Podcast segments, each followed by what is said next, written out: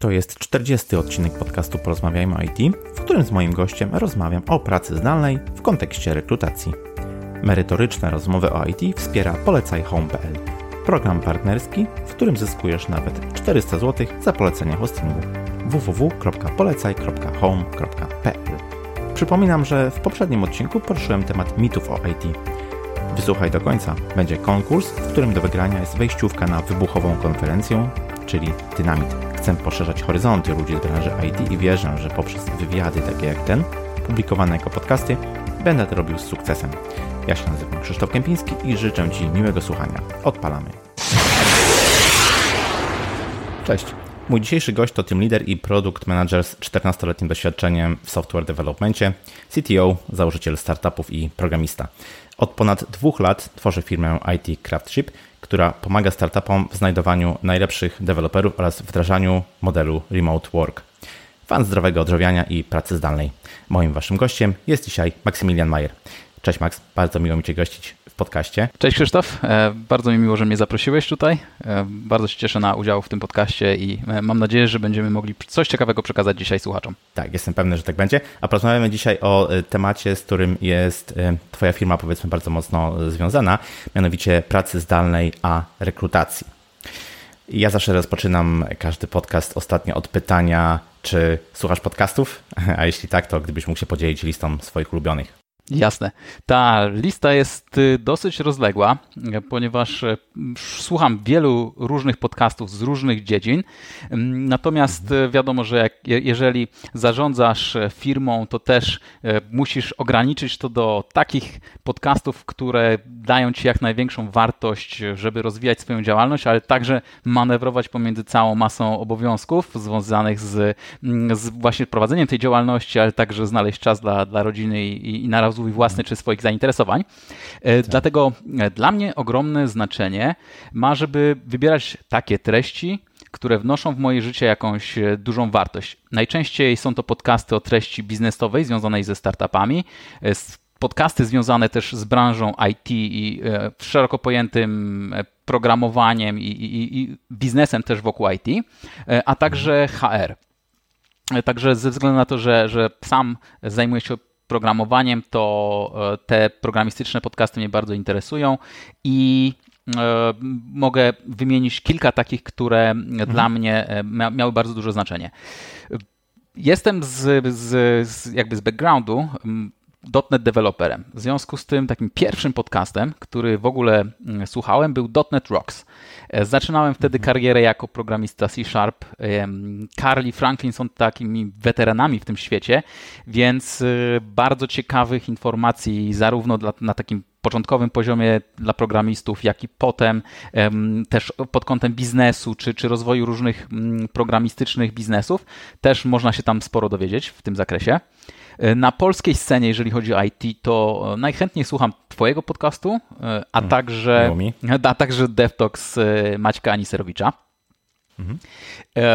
Jako, że zajmujemy się rekrutacją i ogólnie promowaniem mocnym pracy zdalnej, to tutaj też mogę polecić parę bardzo dobrych podcastów w tym temacie. To jest Running Remote który jest też prowadzony przez organizatorów kon konferencji Running Remote, która się odbywała co roku w Bali um, i The Remote Show. To są też e, takie fajne mhm. bardzo e, podcasty, jeżeli jesteś pracodawcą, który chce poznać zalety modelu pracy zdalnej, albo jeśli jesteś pracownikiem, który jest zainteresowany startem w kariery w rozproszonej firmie, to w tych, w tych podcastach naprawdę, na pewno można znaleźć coś dla siebie i dowiedzieć się bardzo, bardzo ciekawych informacji, jak to w praktyce może wyglądać, ale też, ale też tak naprawdę z czym to się wiąże pod kątem dyscypliny własnej pracy, czy pod kątem e, organizacji pracy w organizacji, żeby to było efektywne. Mhm. Z, Super, bardzo, bardzo, fa bardzo, fajna lista. E, domyślam się, że to jeszcze nie koniec. Tak, pewnie, tak, tak. Pewnie może, możesz się podzielić. E, dobrze, ale ja z, chęcią, z chęcią posłucham. Zawsze, wiesz, mogę się zainspirować i słuchacze też być może coś ciekawego z tego wyciągną, więc, więc śmiało, jeśli masz jeszcze coś do, do zarekomendowania, to z chęcią posłucham. Zdecydowanie. Mam do zarekomendowania takie startupy troszeczkę bardziej pod kątem e, przedsiębiorczości i, i, i startupów.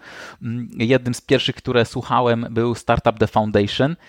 Jest to bardzo ciekawy startup opowiadający głównie e, o e, historiach i, i tym, jak rozwijały się firmy tworzone przez SaaS founderów, czyli firmy typu Software as a Service, którzy w głównej mierze bootstrapowali swój biznes bez żadnych inwestycji i tak, takie konstruowali, że od początku były zyskowne lub od początku generowały przychody.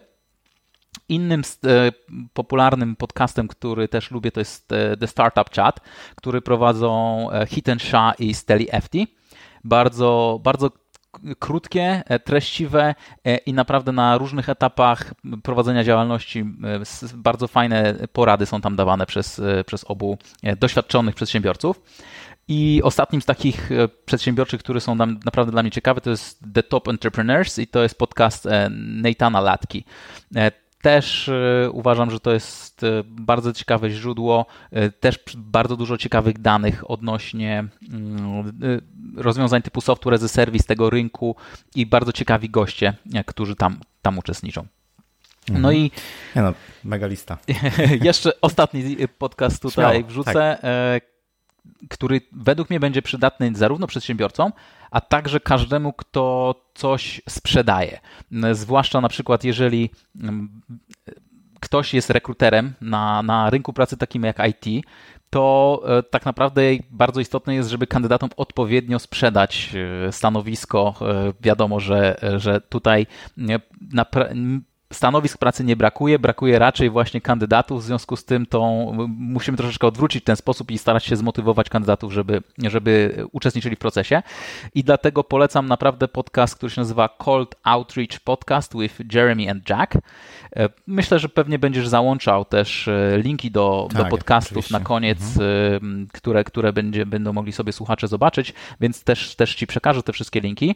E, to jest naprawdę Super. świetny podcast, który nie tylko mówi o tym, w jaki sposób powinno się komunikować do ludzi, żeby, żeby y, zyskać ich uwagę, mm, w jaki sposób budować relacje i też właśnie e, bardzo, bardzo dobre przykłady daje o tym, jak mm, odnajdywać i osób potencjalnych, którym, którym możesz coś chcieć sprzedać, e, lub bardzo fajne rekomendują i narzędzia, metody, które mogą też się przydać w, innych, mm, w innym, powiedzmy, generowaniu bazy czy rekrutacyjnej w tym także. Naprawdę, naprawdę fajna i, i, i, długa lista. Przepytałem już trochę osób tutaj na antenie podcastu właśnie o ich rekomendacje, ale chyba nikt tak długiej listy nie podał jak ty.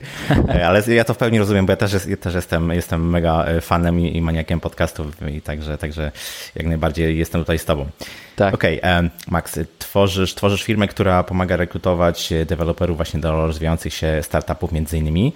I zastanawiam się, czy praca zdalna w tym obszarze, takim powiedzmy właśnie startupów szybko rozwijających się, e, inwestycji, firm, czy, czy ta praca zdalna jest czymś powszechnym? Czy ty obserwujesz tak, coś takiego, że to jednak jest taki dominujący e, trend w tej chwili? Powiem Ci, że na razie ten trend jeszcze nie jest powszechny. Wciąż sporo firm wychodzi z założenia, że najlepiej jest mieć pracownika na miejscu w biurze. Mm, generalnie ten trend jest zupełnie inny w przypadku samych programistów i, i ogólnie pracowników, ale, ale przede wszystkim my mamy do czynienia właśnie z programistami i, i osobami w IT, gdzie ten trend jest odwrotny. Tak naprawdę ponad 50% osób, które uczestniczy u nas w procesach rekrutacyjnych, z którymi rozmawiamy, bardzo często nie decydują się w ogóle na podjęcie procesu, na uczestnictwo w procesie e, aplikacje, właśnie ze względu na to, że praca nie oferuje możliwości e, pracy zdalnej z domu czy, czy z jakiegoś innego miejsca. Mhm. Natomiast pracodawcy w znacznie mniejszym stopniu e, taką pracę, taką elastyczność oferują, zwłaszcza jeżeli by to miała być elastyczność do stuprocentowej pracy zdalnej. Mhm. E, większość firm też nie jest na to gotowa, ponieważ ich procesy zarządzania projektami mm, nie są wystarczająco dojrzałe, aby umożliwić asynchroniczną współpracę. Idą wtedy na łatwiznę, bo wiesz, jak siedzisz sobie z kimś w biurze, to dużo łatwiej jest kogoś klepnąć po ramieniu, powiedzieć mu, ok, tak. słuchaj, zrób to tak i tak, e, zamiast wprowadzić odpowiednią kulturę komunikacji, w której mhm. członkowie zespołu nie blokują się wzajemnie, e, zapewniają koleżankom i kolegom wystarczającą wiedzę do wykonania swoich zadań. Firmy, w których e, szef traktuje pracowników jak marionetki, uprawia tak zwany micromanagement, nie są dobrymi mhm. kandydatami do tego modelu, Jasne. więc jeszcze całkiem sporo pracodawców tak naprawdę ma przed tym opory no i też niejednokrotnie się sparzyły, w związku z czym ten trend jeszcze nie jest tak e, bardzo wspierany przez pracodawców i jest tylko tak naprawdę niewielkie grono firm, które sobie stabilnie rośnie, e, które są otwarte do pracy w takim modelu. Ja w sumie, jeżeli chodzi o pracę zdalną, to od prawie pięciu lat mniej więcej pracuję w takim właśnie modelu. I miałem taką półroczną przygodę, jeśli chodzi o współpracę z, ze startupem z, z Doliny Krzemowej. To oczywiście było, było fajne, jakieś nowe wyzwania i tak dalej. Natomiast taka dziewięciogodzinna różnica strefy czasowej mnie po prostu zabijała w pewnym momencie. I w związku z tym chciałbym Cię zapytać, czy, czy prowadząc tego typu rekrutacje dla e, startupów, które są oparte właśnie o pracę mm, zdalną, zwraca się uwagę na, na strefę czasową? Czy kandydaci to biorą pod uwagę, czy pracodawcy to biorą pod uwagę, zawężając powiedzmy jakoś obszar swoich e, poszukiwań? No, tak. E, zdecydowanie strefa czasowa jest też pewnym istotnym elementem, na którym się skupiamy, jeżeli szukamy e, osoby dla konkretnej firmy. Mm, to zależy wszystko właśnie od, od formy, w jakiej taka firma pracuje, bo niektóre firmy generalnie chcą, żeby wszyscy byli dostępni w jakichś konkretnych godzinach w ciągu dnia, żeby było ileś godzin, w których cały zespół może razem pracować i dlatego te wahania na przykład strefy czasowej są niewielkie, nie chcą, żeby one przekraczały na przykład 3, 3 czy 5 godzin. Natomiast są firmy, które, które też wykorzystują tą różnicę stref czasowych, żeby optymalizować swoje, swoje procesy. Także to wszystko zależy od tak naprawdę klienta, od jego dojrzałości też do pracy zdalnej, od jego dojrzałości do e, asynchronicznego takiego modelu współpracy, gdzie, gdzie ludzie nie muszą być cały czas online, ale mogą być jednocześnie e, produktywni. E, I do tego do tej potrzeby tak naprawdę dostosujemy w jakiej strefie czasowej szukamy kandydatów, czy jesteśmy otwarci na, na różne strefy czasowe i mm, właśnie e, skąd z takich e, ludzi pozyskiwać. Także e, posiadanie zespołu, który funkcjonuje w, różnych strefach czasowych, ma swoje pewne wyzwania, żeby odpowiednio ludzi wyposażyć w wiedzę i w możliwość mhm. produktywnej pracy, ale też ma pewne zalety, które pozwalają, że firma może funkcjonować w dużo większym zakresie godzin na dobę, na przykład nawet 24, jeżeli, jeżeli powiedzmy ma ludzi rozłożonych e, po, po różnych kontynentach, ta, czy, czy, czy w, ludzi w Australii, w, w Europie, Afryce, czy Ameryki, wszystkie, e, to, mhm. to tak naprawdę, jeżeli jest tylko kilka godzin overlapu pomiędzy każdą z tych grup, to można naprawdę stworzyć fajny, też efektywny zespół, który, który odpowiednio przekazuje sobie pracę pomiędzy, pomiędzy tymi strefami i, i może sobie fajnie współpracować. My doświadczenie mamy w, w, właśnie w rekrutowaniu w obu takich modelach i sam też miałem okazję właśnie współpracować przy projektach takich jak ty mówisz, że y, mhm. w osoba, która była najbardziej wysunięta na zachód, to, było, to był czas właśnie Kalifornia. E, w stosunku do nas to było 9 godzin różnicy, tak. ale też byli członkowie w Brazylii, którzy, pomiędzy hmm. którymi było mniejszy, mniejszy ten, e, ta różnica. No ale, ale, ale generalnie projekt wygląda w ten sposób, że jak, jak zaczynaliśmy dzień e, daily callem tak naprawdę z, z, z klientem, z zespołem właśnie od strony klienta, no to generalnie ja na przykład kończyłem pracę, tak? I, i przedstawiałem mhm. to, co zrobiłem w danym dniu i przekazywałem pracę reszcie, reszcie zespołu, a mhm. ten zespół jeszcze pracował przez kilka godzin, ale a, a tylko jedna osoba tak naprawdę w zespole była w całym strefie czasowej dostępna dla klienta, więc to, to się da zrobić ma pewne swoje wyzwania i, i, i wady, ale, ale da się i, i, myślę, że to wszystko zależy od tego, jak się zorganizuje jako firma. Tak, tak. To jest bardzo ciekawa perspektywa, którą przedstawiłeś i, i spodobało mi się właśnie to, co powiedziałeś, że praca zdalna w takim ujęciu jest de facto pewnym narzędziem i to od nas zależy, od firmy zależy, jak właśnie to wykorzysta. Mhm. Można wykorzystać takie narzędzie w sposób e, sprzyjający produktywności rozwojowi, a można mm, w taki sposób, który powiedzmy te, te, te rzeczy zabija. Więc, więc e, dobrze Zdecydowanie. patrzeć na pracę zdalną tak, jako, jako coś, co zależy po prostu od nas, jak to wykorzystamy. I, i tutaj chciałbym mhm. wrócić do, do jednego takiego tematu, bo niedawno miałem bardzo, bardzo ciekawą rozmowę z jednym z głównych designerów w GitLabie, która to jest firma znana z tego, że naprawdę jakby w, u podstaw ich kultury leży praca zdalna, ale też taki, taki produktywność indywidualna i asynchroniczna komunikacja. Oni w ogóle mhm. praktycznie eliminują w zupełności potrzebę spotkań albo ograniczają ją do naprawdę takiego totalnego minimum. E, I w ich kulturze to się bardzo dobrze sprawdza i jest wtedy dla nich zupełnie nieistotne, kiedy ktoś mhm. wykonuje jakąś pracę, bo ludzie są bardzo produktywnie pracując indywidualnie, mają odpowiednią kulturę dokumentacji tego, co robią, wiedzą, gdzie e, dokumentować swoje postępy, wiedzą, gdzie robić notatki odnośnie tego, co zrobili, jak zrobili, żeby inni ludzie też mogli bazować swoją pracę na tym. I naprawdę taka, taka tak dojrzała organizacja, która od samego początku myśli w trybie zdalnym, może bardzo fajnie z tego czerpać i, i bardzo dużo korzyści z tego, że właśnie ludzie pracują w takim modelu. Fajna sprawa. A mm, wspomnieliśmy na początku, że właśnie bierzesz udział w e, takich rekrutacjach, wspomagasz w takich rekrutacjach swoich klientów. Chciałem Cię zapytać, czy proces rekrutacji osoby, która ma powiedzmy gdzieś tam pracować w formie zdalnej, różni się czymś od procesu rekrutacji na stanowiska mm, stacjonarne. Chciałem tutaj gdyby zapytać Ciebie, mhm. czy zwraca się uwagę na inne umiejętności, które są niezbędne w pracy zdalnej? Owszem, owszem. I tutaj myślę, że mogę podać bardzo fajne źródło dla ludzi, którzy chcą też takie umiejętności weryfikować i, i sprawdzać, czy ktoś na takie stanowisko zdalne będzie odpowiedni.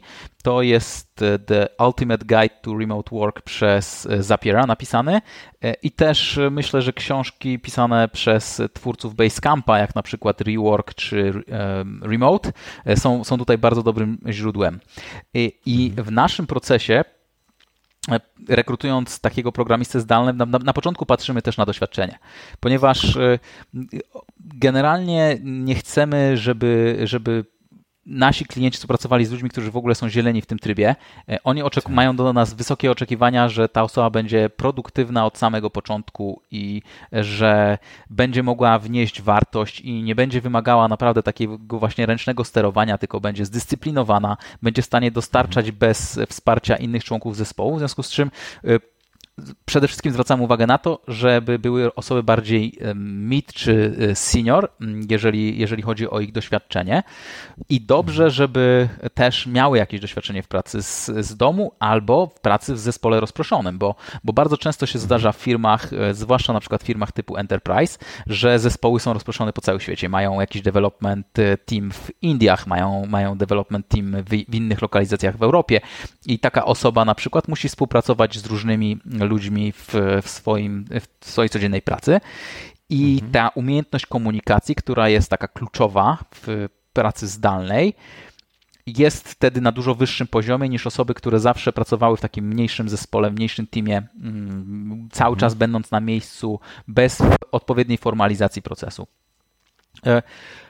E, Poszukujemy osób, które na pewno posiadają taką umiejętność samodzielnego rozwiązywania problemów i nie potrzebują za dużego wsparcia od całej reszty zespołu, dlatego osoba o juniorskim stażu wymaga troszeczkę większego nadzoru, wymaga tego, żeby inni go wspierali, żeby mhm. mógł być mentoring, żeby on się rozwijał tak naprawdę, bo, bo to jest też kluczowe dla takiej osoby, nie tylko to, żeby wykonać pracę, ale też, żeby, żeby wspierać swój rozwój osobisty. Mhm, I w taki, wśród takich osób przyznam, że miałem do czynienia e, właśnie e, też z, z, mentorowaniem juniorów i w takim modelu też pracy zdalnej. I mało jest osób, które mają na tyle dyscypliny i asertywności, żeby jednocześnie e, uczyć się i rozwijać samodzielnie, ale też otrzymać wsparcie od zespołu, który mhm. pracuje w trybie zdalnym. Bo juniorzy mają taki opór też, żeby zadawać odpowiednią ilość pytań, żeby tak, żeby tak naprawdę wymagać od tych innych członków zespołu, daj mi tą wiedzę, tak? Powiedz mi, mhm. skąd to się wzięło, dlaczego tak zrobiłeś, a nie inaczej, co ja tutaj mogę poprawić. E, I taka naprawdę duża proaktywność jest wymagana i wtedy zdarzyło mi się współpracować z dwoma takimi osobami zdalnie, których prowadziłem i naprawdę świetnie sobie radzili, a niestety z większością e, było to, było to dużo gorzej i dlatego też polecam wtedy taki naprawdę start w karierze raczej, mm, raczej on-site, a mhm. potem przy, przy, przygotować się do tego troszeczkę lepiej. Mhm, Jeszcze nasz proces e, rekrutacyjny głównie zakłada sprawdzenie umiejętności technicznych, ale w, w, właśnie bazując na, na, na książce Rework czy na Ultimate Guide od Zapiera, mm, wiemy, że Osoba, która pracuje na stanowisku zdalnym, powinna być świadoma kilku rzeczy. Przede wszystkim, czy ta praca przez niego jest zorganizowana w taki sposób jak mniej więcej praca biurowa, czyli w jakich godzinach jest mhm. dostępny, w jakich godzinach pracuje, w jakich godzinach robi sobie jakieś e, swoje sprawy, w jaki sposób organizuje dzień. Niektórzy myślą, że, że praca zdalna to polega na tym, że sobie e, wstanę, obudzę się i w łóżku otworzę sobie komputer i zaczynam pracować. E, to na dłuższą metę się nie sprawdza. W związku z czym my podczas rekrutacji zawsze, zawsze się dowiadujemy, jakie masz środowisko do pracy zdalnej? Czy chcesz pracować z domu? Czy przemyślałeś w ogóle, gdzie zorganizujesz sobie dobrą przestrzeń do pracy, żeby być produktywnym? Jak zadbasz hmm. o to, żeby nie mieć e, tak naprawdę przerw w pracy lub, lub żeby ci ktoś nie przeszkadzał, bo ludzie mają domowników, którzy na przykład mają problem z tym, żeby się przyzwyczaić, że jesteś w domu, to znaczy, że pracujesz lub nie pracujesz, prawda? To ciężko jest to mhm. rozróżnić, zwłaszcza domownikom, czy jeżeli się ma dzieci, e, żonę, tak. E, partnerkę, e, to zawsze, zawsze może być taki na początku dysonans pomiędzy mhm. tym, co oni rozumieją, że ty jesteś w pracy, a co ty rozumiesz przez to i mhm. też co twój pracodawca rozumie. W związku z czym też sprawdzamy właśnie tą dojrzałość w taki sposób, czyli pytając, jak ktoś organizuje swój dzień, jak ktoś organizuje swoją przestrzeń pracy, z jakiej przestrzeni chce pracować, czy woli z domu, czy jednak podejmuje biuro na przykład z kolegami, czy w centrum coworkingowym, czy, czy też na przykład częściowo w domu, częściowo z kafejki. To wszystko to jest bardzo ważny, bardzo ważny aspekt. Druga rzecz, którą weryfikujemy, to jest y, umiejętności komunikacyjne. Pytamy się nie mhm. tylko, jak osoby pracują z różnymi narzędziami komunikacji, bo w firmach używa się wszelakich, wszelakich narzędzi, właśnie jak Skype, jak Slack, jak e, mhm. Zoom do rozmów i tak dalej, ale bardziej nas interesuje nie w jakich narzędzi oni używali, z jakimi się czują dobrze, bo powiedzmy, że to, to jest naprawdę e, nie trudno się przyzwyczaić do wszystkich takich narzędzi, każdy ma swoje mhm. wady i zalety, ale w, bardziej dla nas istotne jest to, w jaki sposób oni korzystają z tych narzędzi. To znaczy, jeżeli na Zoomie robią sobie spotkania z zespołem, to potem co oni z informacjami pozyskanymi czy decyzjami ustalonymi na takim spotkaniu robią, tak? I potrzebujemy, żeby mhm. ktoś umiał konkretnie odpowiedzieć. Słuchajcie, no robię, wchodzę sobie do Jiry, odnotowuję notatki, że podjęliśmy taką i taką decyzję, oznaczam odpowiednie osoby, które nie były na spotkaniu, ale dla których na przykład te decyzje mogą być istotne w dalszym procesie e, i właśnie w taki sposób e, potrafią organizować sobie pracę i organizować się wokół takiej właśnie asynchronicznej współpracy. I, I, takich odpowiedzi właśnie szukamy, takich ludzi, którzy, którzy w odpowiedni sposób umieją się organizować i, i też zostawiają właśnie ślad po wszystkich takich wirtualnych spotkaniach co nie da się ukryć, według mnie jest dobrą praktyką, niezależnie czy to jest praca zdalna, czy to nie jest praca zdalna, ale jednak w biurze niestosowanie takich dobrych praktyk dużo łatwiej uchodzi na sucho niż przy pracy mhm. zdalnej po prostu. Tak, zdecydowanie. A zahaczyłeś też o temat właśnie weryfikacji umiejętności mhm. technicznych, czyli czegoś, w czym macie spore doświadczenie. Y, chciałbym Cię zapytać, jak najlepiej zweryfikować umiejętności techniczne kandydata ubiegającego się właśnie o takie stanowisko y, zdalne. A to z jednej strony, a z drugiej strony, jak zweryfikować coś, co jest bardzo trudne do zmierzenia, czyli czy ta osoba po prostu pasuje do, do, do kultury firmy, czy jest ten, ten match. Jasne.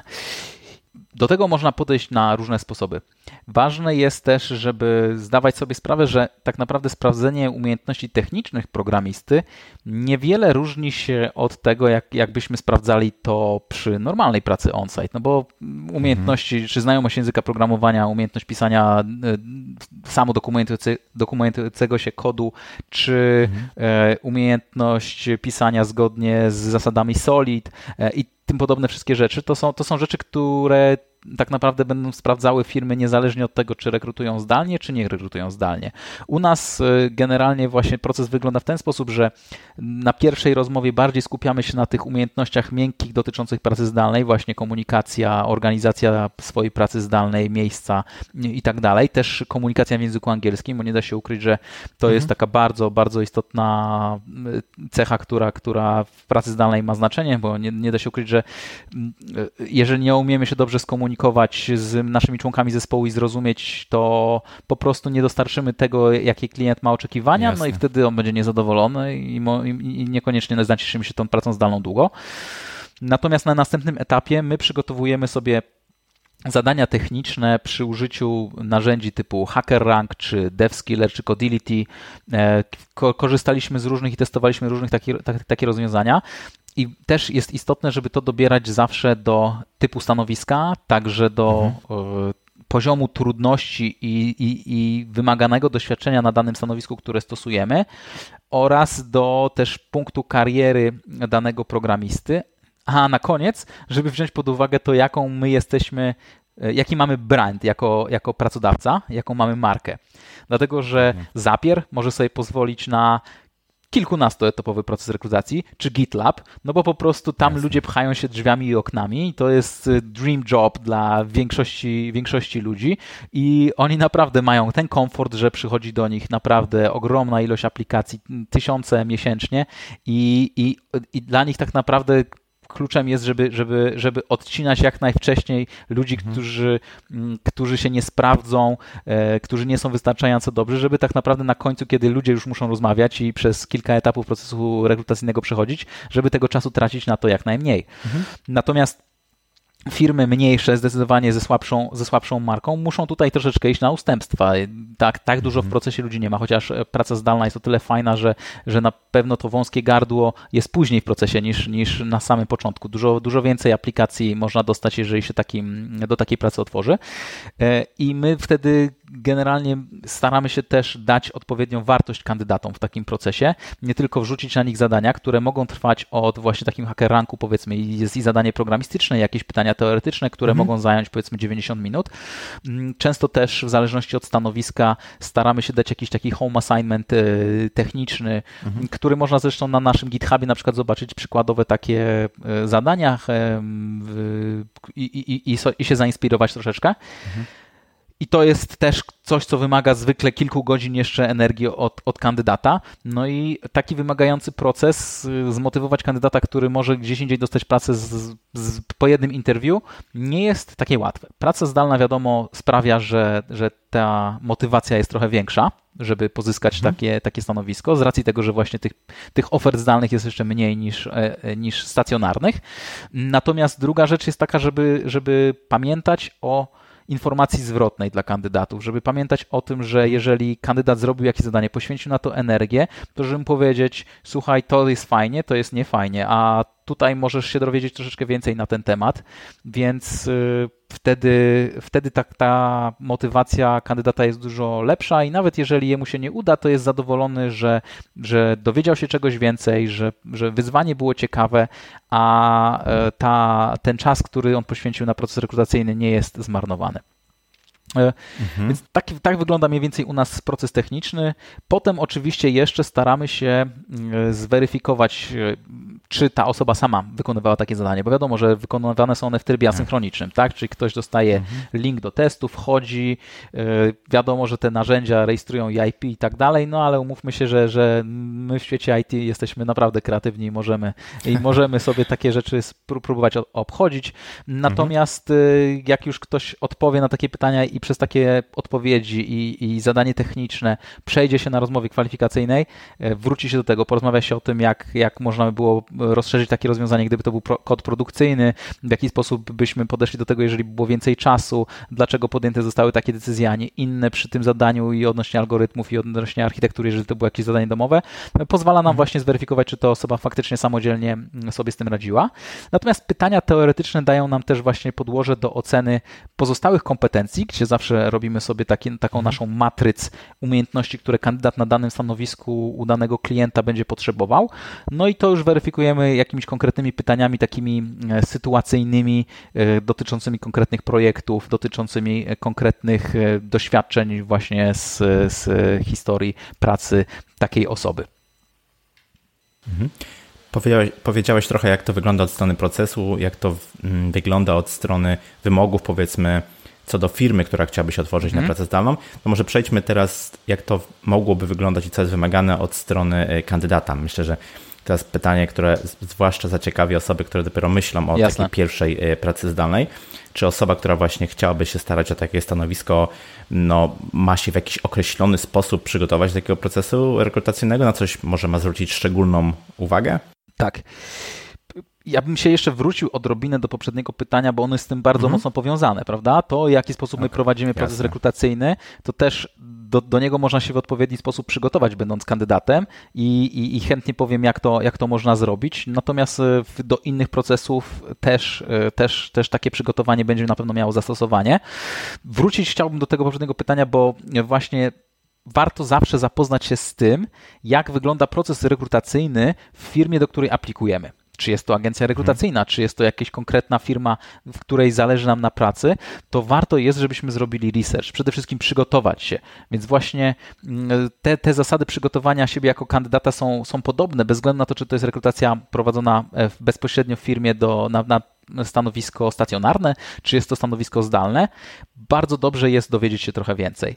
Nie wszystkie firmy naprawdę bardzo fajnie to wszystko opisują, ale na przykład jeżeli ktoś, ktoś aplikuje do GitLaba, to może zobaczyć ich w ogóle e, handbook pracownika, gdzie jest całe kompendium hmm. wiedzy z dziedziny rekrutacji, weryfikacji pracowników właśnie w modelu zdalnym, ale też, też technicznym i, i, i naprawdę jest bardzo dobrze opisany proces I, i tak powinno się podchodzić do tego jako pracodawca najlepiej, ale też e, jako, jako właśnie kandydat, który aplikuje, dobrze jest sprawdzić. Jeżeli e, pracodawca ani nie pisze w ogłoszeniu, jak wygląda proces rekrutacyjny, ani nie pisze nigdzie na swoich stronach, na blogu czy gdziekolwiek, no to tak naprawdę warto jest zapytać. Mało naprawdę kto podchodzi do procesu tak rekrutacyjnego. Mamy do czynienia naprawdę z wieloma kandyda kandydatami i zdarzyło nam się dosłownie na palcach jednej ręki można policzyć, ilu kandydatów się zapisa- zapytało nas tak naprawdę, jak to będzie wyglądało, czego się mogę spodziewać na rozmowie kwalifikacyjnej. Mhm. Z jakimi pytaniami mogę się liczyć, e, ile czasu będę potrzebował sobie, sobie zarezerwować e, i tym podobne rzeczy, a to jest tak naprawdę bardzo świetne narzędzie, które pomaga się przygotować do, do rozmowy. I jeżeli nie pisze tego firma bezpośrednio, to pytajcie po prostu jako, jako, jako programiści, którzy się przygotowują. Więc to jest na pewno taka jedna, jedna porada. Z, zrobić dobrze research mhm. na temat e, stanowiska, na temat firmy, na temat procesu rekrutacyjnego w danej firmie. Jeżeli coś jest nie, nieopisane, to pytajmy, bo to, że się wykażemy taką motywacją, od razu zaplusuje u pracodawcy, zaplusuje u, u e, rekrutera i um, dużo bardziej produktywne będą wszystkie następne spotkania i myślę, że z dużo fajniejszych fajniejszej strony będziemy się w stanie, e, stanie przedstawić. E, na pewno też warto jest przygotować się wcześniej do takiej rozmowy, żeby umieć o sobie mhm. coś powiedzieć, bo e, też programiści są takim, takim typem osobowości przeważnie, że niezachętnie chwalą się, niezachętnie, no tak. niezachętnie dzielą się e, swoimi e, super dokonaniami. Mają problem z tym, żeby tak naprawdę fajnie się sprzedać. A nie da się ukryć, że taka rozmowa mhm. kwalifikacyjna polega na takim e, tak naprawdę z dwóch stron sposobie, żeby, żeby z jednej strony pracodawca pokazał, jak u nas jest świetnie, jak u nas jest ciekawie, jakie, jakie u nas są fajne projekty i, i, i z, troszeczkę zahaczyć zainteresowanie tego kandydata, no ale ze strony kandydata też jest coś takiego, żeby e, starać się, żeby się on starał pokazać, jaką wartość może takiej firmie przynieść, e, jaką wartość w projekcie, jak jego wiedza może w, w ich projektach się przydać, jak, jak przyczynić się do rozwoju jego firm, e, jak, jak, jak, jak przyczyni się do rozwoju zespołu, do rozwoju firmy, projektu, na którym pracuje, ale też na przykład jak on skorzysta z, z tego udziału w danej firmie. Więc takie przygotowanie na pewno do takiego swojego intro troszeczkę, taki, taki bardziej autoprezentacja, to jest na pewno też fajna fajna rzecz i, i, lepiej nie zamykać swojej odpowiedzi w dwóch zdaniach, tylko starać się konkretnie odpowiadać, e, przygotować się do tego trochę wcześniej i e, odpowiednio umieć podzielić zarówno też swoim doświadczeniem i swoją historią, ale także na przykład przemyśleniami odnośnie czy produktów firmy, czy oferty, bo, bo taki, takie, takie taką inwestygację też warto zrobić e, na temat e, stanowiska, które chcemy aplikować, e, bo to zdecydowanie pozytywnie wpłynie na, na dalszy proces rekrutacyjny. Pewnie. Ale zanim dojdzie do takiej rozmowy, musi być jeszcze etap naszego zainteresowania daną ofertą, naszej, naszej aplikacji, aplikacji właśnie na taką ofertę. W świecie IT wysyłanie papierowych CV i listów motywacyjnych już mamy dawno za sobą, w związku z tym mm, jest LinkedIn. E, ale co oprócz, co oprócz LinkedIna? I to zarówno od strony pracodawcy i od strony mm, pracownika. Co, co powiedzmy oni mogą zrobić, żeby zwiększyć e, zainteresowanie sobą jako pracownikiem, albo też właśnie z drugiej strony jako, jako mm, pracodawcy. I tutaj chciałbym to podłączyć pod takie pytanie, czy benefit w postaci pracy zdalnej e, ma znaczenie, może być jakąś naszą przewagą konkurencyjną, jeśli jesteśmy pracodawcą? Okej. Okay to zacznę od tego, czy LinkedIn jest wystarczający, prawda? Czy, czy mhm. LinkedIn to jest, to jest główne narzędzie, żeby zostać zauważonym jako pracownik. I e, tak naprawdę z perspektywy programisty i tego naszego rynku, gdzie programiści dostają multum ofert już, już pomijając fakt, czy, czy one są adekwatne do doświadczenia, umiejętności, czy nie, ale, ale tych y, ofert dostajemy naprawdę sporo. W związku z tym LinkedIn dla pozyskania nowej, nowej pracy na pewno wystarczy i dobrze przygotowany profil LinkedIn, który tak naprawdę e, pozwoli e, rekruterowi znaleźć osobę, dobrze przygotowany profil będzie w zupełności wystarczający. Natomiast są inne, inne y, też y, sposoby pozyskiwania czy znajdowania, mm, dania się zauważyć y, przez, przez rekruterów czy, czy ciekawe firmy, o których za chwilę powiem, ale najpierw chciałbym powiedzieć troszeczkę też tak na przykładzie LinkedIna, w jaki sposób dobrze jest przygotować swój profil, żeby on był naprawdę zauważalny. E, okay. Programiści, w tym ja, kiedyś, zanim zacząłem rekrutować, e, bardzo narzekałem, że, że oferty, które, które otrzymuję, są zupełnie nieskrojone do tego mojego tak, doświadczenia, tak. do moich oczekiwań, e, nie odpowiadają w żadnym stopniu te, te, temu, co ja robiłem, to temu, co chciałbym robić i byłem bardzo, bardzo sfrustrowany, dlatego zdecydowałem, że, że właśnie w naszym procesie za kontakt z kandydatami będą odpowiedzialne osoby techniczne, które współpracują z rekruterami, a nie, a nie tylko rekruterzy, którzy po prostu nigdy w życiu kodu nie dotykali, prawda? E, tak, tak, tak. Natomiast po czasie widzę, że jakby rekruterzy muszą w jakiś sposób radzić sobie ze swoim ograniczonym czasem, z, z, tym dużym bardzo popytem, który mają na programistów, a znacznie mniejszą podażą i mhm. zdarzają się im pomyłki. Patrząc teraz z drugiej strony na to, e, jako właśnie rekruter, widzę, że to nie jest tylko wina tych, tych nieszczęsnych rekruterów, ale także samych kandydatów, w jaki sposób oni przygotują profil, że dostają tak naprawdę nieadekwatne oferty. Przede wszystkim powinniśmy właśnie zadbać o to, żeby ten profil nasz był aktualny i e, żeby preferencje nasze pracy na LinkedInie były zaznaczone, dlatego że LinkedIn ma dużo fajnych narzędzi, które pozwalają określić na przykład, czy jestem teraz otwarty na, na e, oferty pracy, czy szukam aktywnie, czy czy, czy raczej pasywnie, czy tak naprawdę interesuje mnie praca w danej jakiejś lokalizacji, czy w innych lokalizacjach, czy, tylko, czy, czy też na przykład tylko praca zdalna. E, nawet można zaznaczyć, jakie, jakie widełki nas e, wynagrodzenia interesują i potem na przykład taki rekruter, który korzysta z narzędzi LinkedIna typu LinkedIn e, Recruiter, on może sobie dobrze wyfiltrować odpowiednio takie osoby i trafić dużo bardziej relevantnie. W związku z czym to też do, nam powinno zależeć na tym, żeby ten profil był odpowiednio przygotowany i żeby był wykrywalny. Ale co to znaczy e, wykrywalny? Właśnie, właśnie mówiłem, że podam przykład i e, miałem sytuację e, i to nie jedną, nie jedną, ale kilka razy się coś takiego zdarzyło, że pewien kandydat w swoim opisie na LinkedInie zamieścił krótki opis swojego doświadczenia, a na koniec dorzucił taką notatkę. Nie chcę pracować z PHP, C++, C, Perl i tak dalej, i tak dalej, i tak dalej. No i teraz postawimy się w roli takiego rekrutera, który ma ograniczony czas, y, musi korzystać z narzędzi, które pomogą mu znaleźć takiego kandydata wpisuję sobie odpowiednie filtry, słowa kluczowe, wrzucam innymi słowo PHP, no i oczywiście co się stanie? Ten nasz nieszczęsny kandydat, który powiedział, nie chcę pracować z PHP, wyskoczy w tych filtrach. No i e, też e, te opisy są różnej długości. Czasami pokazują się w tej opcji show more, czy tam pokaż więcej na LinkedIn i tak dalej. No mhm. rekruter jest też człowiekiem. On po prostu może nie zauważyć, może popełnić błąd. No i wyślę potem taką wiadomość do, do kandydata, bo wydaje mu się, że, że e, słowo PHP w jego profilu oznacza, że on miał z tym styczność, tak? A nie, że nie chce z tym pracować. Więc e, tak Dokładnie. tak naprawdę musimy jako kandydaci też zwrócić uwagę na to, żeby w naszym profilu pojawiały się rzeczy, które nas interesują, które, których albo mamy doświadczenie, albo chcemy pracować w takich technologiach, bo inaczej wprowadzimy w, w tak naprawdę e, zamieszanie wśród, wśród tych naszych narzędzi rekruterskich i e, utrudnimy pracę rekruterowi, przez to tak naprawdę taki rekruter zaśmieci nam skrzynkę niepotrzebnie, bo dostaniemy ofertę, która zupełnie do nas nie pasuje i, i, i wręcz przeciwny efekt odniesiemy do tego, co chcemy, bo, bo napiszemy, że nie chcieliśmy pracować w PHP, w C++ i tak dalej. E, nie wspomnieliśmy o tym, w czym chcemy pracować, e, za mało wymieniliśmy technologii, z którymi już mamy doświadczenia, no to trudno oczekiwać, żebyśmy dostali właśnie z tego zakresu ofertę, prawda? No oczywiście. Więc y, to jest taki, to jest taki e, bardzo istotny aspekt. E, jest też no, dużo ciekawych e, materiałów w sieci o tym, w jaki sposób przygotować swoje profile. Też zachęcam, żeby się z tym zapoznać, bo to, mhm. jest, bo to jest bardzo dobre.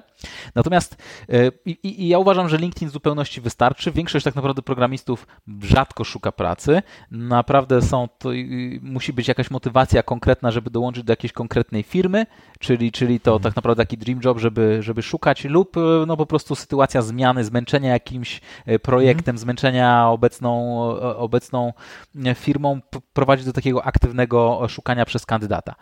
No i wtedy LinkedIn oczywiście jest jednym z miejsc, gdzie można poszukać ofert pracy, natomiast co do pracy zdalnej nie ma tam tego tak naprawdę za dużo, w związku z czym lepiej spojrzeć też w inne takie bardziej skierowane do pracy zdalnej miejsc, jak na przykład We Work Remotely. Stack Overflow mhm. też ma bardzo fajny dział z, z, z, pracą i też ma bardzo fajnie oznaczane oferty właśnie jako otwarte na remote, więc tam sobie można zajrzeć. No i według mnie taki oprócz profilu LinkedIn, który dobrze by było mieć jako kandydat y, w naszej branży właśnie dobrze przygotowany, no to też fajnie było mieć swoje developer story na Stack Overflow, y, też dobrze by było mieć żeby coś się działo na naszym, na naszym GitHubie, nawet jeżeli robimy sobie mhm. jakieś projekty po godzinach, jeżeli takie coś mamy na swoim profilu, fajnie. Jeżeli w ogóle robiliśmy jakieś e, contributions do open source, to już w ogóle super, tak? Bo, bo wtedy może, y, może sobie rekruter czy, czy pracodawca zerknąć na tą naszą e, historię, zobaczyć nawet nasz kod, jaki pisaliśmy, e, historię commitów, więc y, naprawdę na to, na to ludzie patrzą przy, przy tych wszystkich procesach rekrutacyjnych, w związku z czym warto na to też postawić, prawda? Mhm. Natomiast z punktu widzenia, z punktu widzenia właśnie kandydata, który aplikuje na takie stanowisko, jest istotne, żeby e, właśnie szukając na różnych forach i też, też dobrze przeczytać tak naprawdę ogłoszenie, bo widziałem naprawdę szereg, szereg zgłoszeń, które, które naprawdę nie, w żaden sposób się nie i mają tego, co jest w ogłoszeniu pracy i to wynika z tego po prostu, że, że ludziom się nie chce, tak, że podchodząc do procesu rekrutacyjnego, oni widzą, o dobra, widełki mi pasują, jest praca zdalna, jest super, e, nie zerkną nawet na firmę, nie, nie dobrze się wczytają. E, czasami też takie sztuczki mogą rekruterzy właśnie stosować, jak na przykład w formularzu aplikacyjnym zapytać o coś z treści ogłoszenia, e, widziałem tak, no to zwłaszcza jeżeli firmy mają bardzo dużo aplikacji, no to takie, takie sztuczki starają się stosować, gdzie na przykład w treści powiedzą, e, nie wiem, i magiczne słówko to Shazam i potem w pytaniu w formularzu jest, jakie jest magiczne słówko, nie? No to niektórzy ludzie piszą proszę, dziękuję i tak dalej, tak? A tu chodzi o Shazam, prawda? Które było w treści ogłoszenia, więc warto na to zwrócić uwagę, zwłaszcza, zwłaszcza jeżeli właśnie jest, y, aplikuje się do firmy, która naprawdę dostaje duży wolumen takich zgłoszeń e, i chcemy się wyróżnić z tłumu przebić, no to zróbmy coś, żeby to, żeby to zrobić. Wykażmy się, że dobrze się przyłożyliśmy do, mm, do tego. Poruszyłeś już temat y, związku albo jakiejś powiedzmy relacji pomiędzy pracą zdalną a właśnie juniorami, osobami, które dopiero mhm. chcą wejść do IT. Ale ponieważ ja to pytanie widzę y, naprawdę często i sam też je dostaję, dlatego chciałem do tego wątku jeszcze raz powrócić. Co, Jak, to, jak to jest według Ciebie z perspektywy i programisty, który kiedyś zaczynał swoją, swoją przygodę z programowaniem, i też teraz, że tak powiem, z drugiej strony, jako osobę, która uczestniczy w rekrutacjach, czy juniorzy powinni myśleć właśnie o stanowiskach e, związanych z, z czy opartych na pracy e, zdalnej. Czy, I to nawet nie chodzi mi o to, że tak jest im wygodniej, ale czy dla ich kariery e, jest to w ogóle dobry ruch, żeby zaczynać od pracy zdalnej? Znaczy, uważam, że z pewnością myśląc o swojej karierze, warto jest zaplanować sobie w jakiś sposób jeżeli chcemy, żeby ta praca zdalna w przyszłości była istotnym elementem naszej kariery, to na pewno warto jest o tym pomyśleć odpowiednio wcześnie. Myślę, że jeżeli ktoś ma na tyle samodyscypliny, że będzie w stanie odnaleźć w takim środowisku pracy zdalnej, gdzie będzie w stanie e, wymusić na reszcie członków zespołu odpowiednie wsparcie, które pomoże im w rozwoju swoich umiejętności i, i swojego doświadczenia jako właśnie taki programista e, młodszy, to, to myślę, że to jest dobry kierunek. Na pewno warto troszeczkę więcej dowiedzieć się na temat takiej pracy zdalnej. Też na pewno mhm. osoby, które jednocześnie pracują i studiują zaocznie, to też e, wymaga naprawdę dużej, dużo, dużej dyscypliny i takie osoby też e, lepiej sobie radzą w takim środowisku i może wtedy dla nich, z racji tego, że mają właśnie studia, muszą to jakoś łączyć z pracą, to są takie mhm. fajne różne firmy, które oferują pewną elastyczność, tak, że można przyjść na kilka dni do biura, na kilka dni można pracować z domu, kiedy ma się zajęcia na uczelni, to, to można sobie spróbować tak to ułożyć, żeby, żeby praca nie przeszkadzała nauce i, i, i na odwrót. Więc uważam, że takie przygotowanie najlepiej zrobić jak najwcześniej i jeżeli mamy takie ambicje, mhm. żeby pracować zdalnie, to na pewno jest to dobra myśl. Natomiast jeżeli chodzi o firmy, które decydują się na zatrudnienie zdalnych juniorów, to jest ich wciąż bardzo mało. Jeżeli się spojrzy na oferty, tak naprawdę zrobi się odpowiednie wyszukiwanie po słowach kluczowych właśnie czy junior, czy, czy młodszy i tak dalej e, w tych wszystkich mhm. portalach, to, to jest naprawdę marginalna ilość właśnie firmy, które, które pracują zdalnie, one w ten model wchodzą właśnie po to, żeby uzyskać dostęp do talentu, który jest nieograniczony lokalizacją, który mhm. jest już bardziej doświadczony. Też często dotyczy na przykład technologii niszowych, które ciężko znaleźć w, w, w, swojej lokalnej przestrzeni. Są, mogą to być specjaliści, którzy, którzy, których są tak naprawdę jednostkowe ilości na, na świecie i do nich oferując pracę zdalną można mhm. się dostać, a takich ludzi może w ogóle nie być w, w danej miejscowości czy nawet kraju, tak? Albo bardzo, bardzo mhm. śladowe ilości i, i ludzie, którzy, którzy już mają tak, tak ciekawe problemy i, i, i wyzwania w swojej pracy, że niekoniecznie będą chcieli mm, zrezygnować. Także ta, takie jest raczej ten, to, to środowisko pracy zdalnej, że firmy jeszcze szukają bardziej dojrzałych e, programistów. Natomiast miałem do czynienia z firmami, które, które zatrudniają e, osoby młodsze. Wtedy też odpowiednio dbają o to, żeby jedną na przykład osobę przydzielić, że będzie takim opiekunem tej, tej, tego okay. junior mhm. dewelopera e, i, i, jako taki opiekun będzie wprowadzać i, i, i w jakby w tą dyscyplinę pracy zdalnej i też jakby pomagać w rozwoju programistycznym i miałem do, do, do czynienia z takimi firmami i sam też właśnie byłem takim mentorem, więc y, można znaleźć, natomiast na pewno będzie ciężko. Ten wolumen tych ofert pracy nie jest na tyle duży, żeby mhm. powiedzmy mówić, że słuchajcie juniorzy, świetnym pierwszym krokiem w karierze to jest znaleźć sobie pracę zdalną. Nie, to będzie bardzo duże wyzwanie. E, może zająć wiele miesięcy poszukiwanie takiej pracy, na, której na którą się dostaniemy. Jeżeli im mhm. zależy i, i naprawdę naprawdę mają taką samodyscyplinę i motywację do takiej pracy, to można w tym kierunku iść, no ale y, trzeba się, trzeba, trzeba się przygotować na to, że to może być długotrwały proces i niekoniecznie, e, niekoniecznie będzie to najlepszy krok w karierze.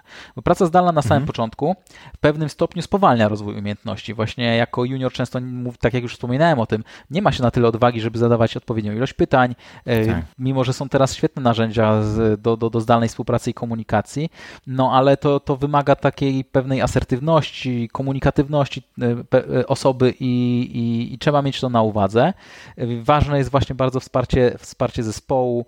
Kiedy się pracuje zdalnie, to rzadko jest czas na to, żeby e, pokazać takiemu młodszemu programiście, co można zrobić lepiej, jak zrobić lepiej, mhm. bo, bo ludzie pracują w swoich jakichś focus modach, niekoniecznie w tym momencie są dostępni do rozmowy, w związku z czym trzeba nadrabiać braki wiedzy po godzinach pracy, też samodzielnie, nie tylko polegać na tym, że tylko wszystko dostanie się na talerzu od zespołu i że pracodawca po prostu utworzy tak wspaniałe środowisko dla twojego rozwoju, że wszystkiego się od niego nauczysz. No nie, niestety musisz, e, musisz troszeczkę się e, sam e, też zmobilizować.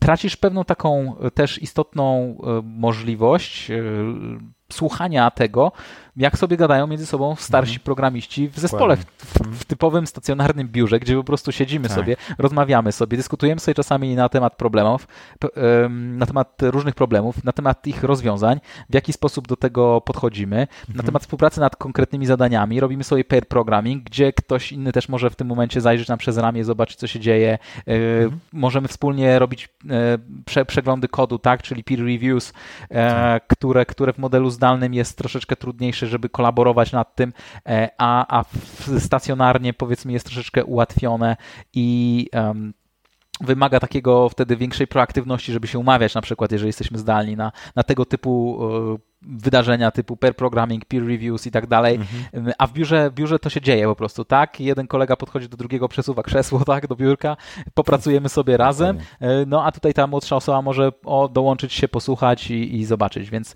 um, więc to są mhm. takie korzyści. Ja bym polecał jednak właśnie zaczynać karierę raczej w takim środowisku, gdzie będzie dużo łatwiej tą wiedzę czerpać z otoczenia, po prostu tak jak, nie wiem, dziecko, które się uczy języka, po prostu tak, słuchając, tak. chłonie. Tak samo, tak samo my możemy to czerpać, będąc w środowisku, gdzie, gdzie się dużo to, e, dużo takich rozmów e, odbywa.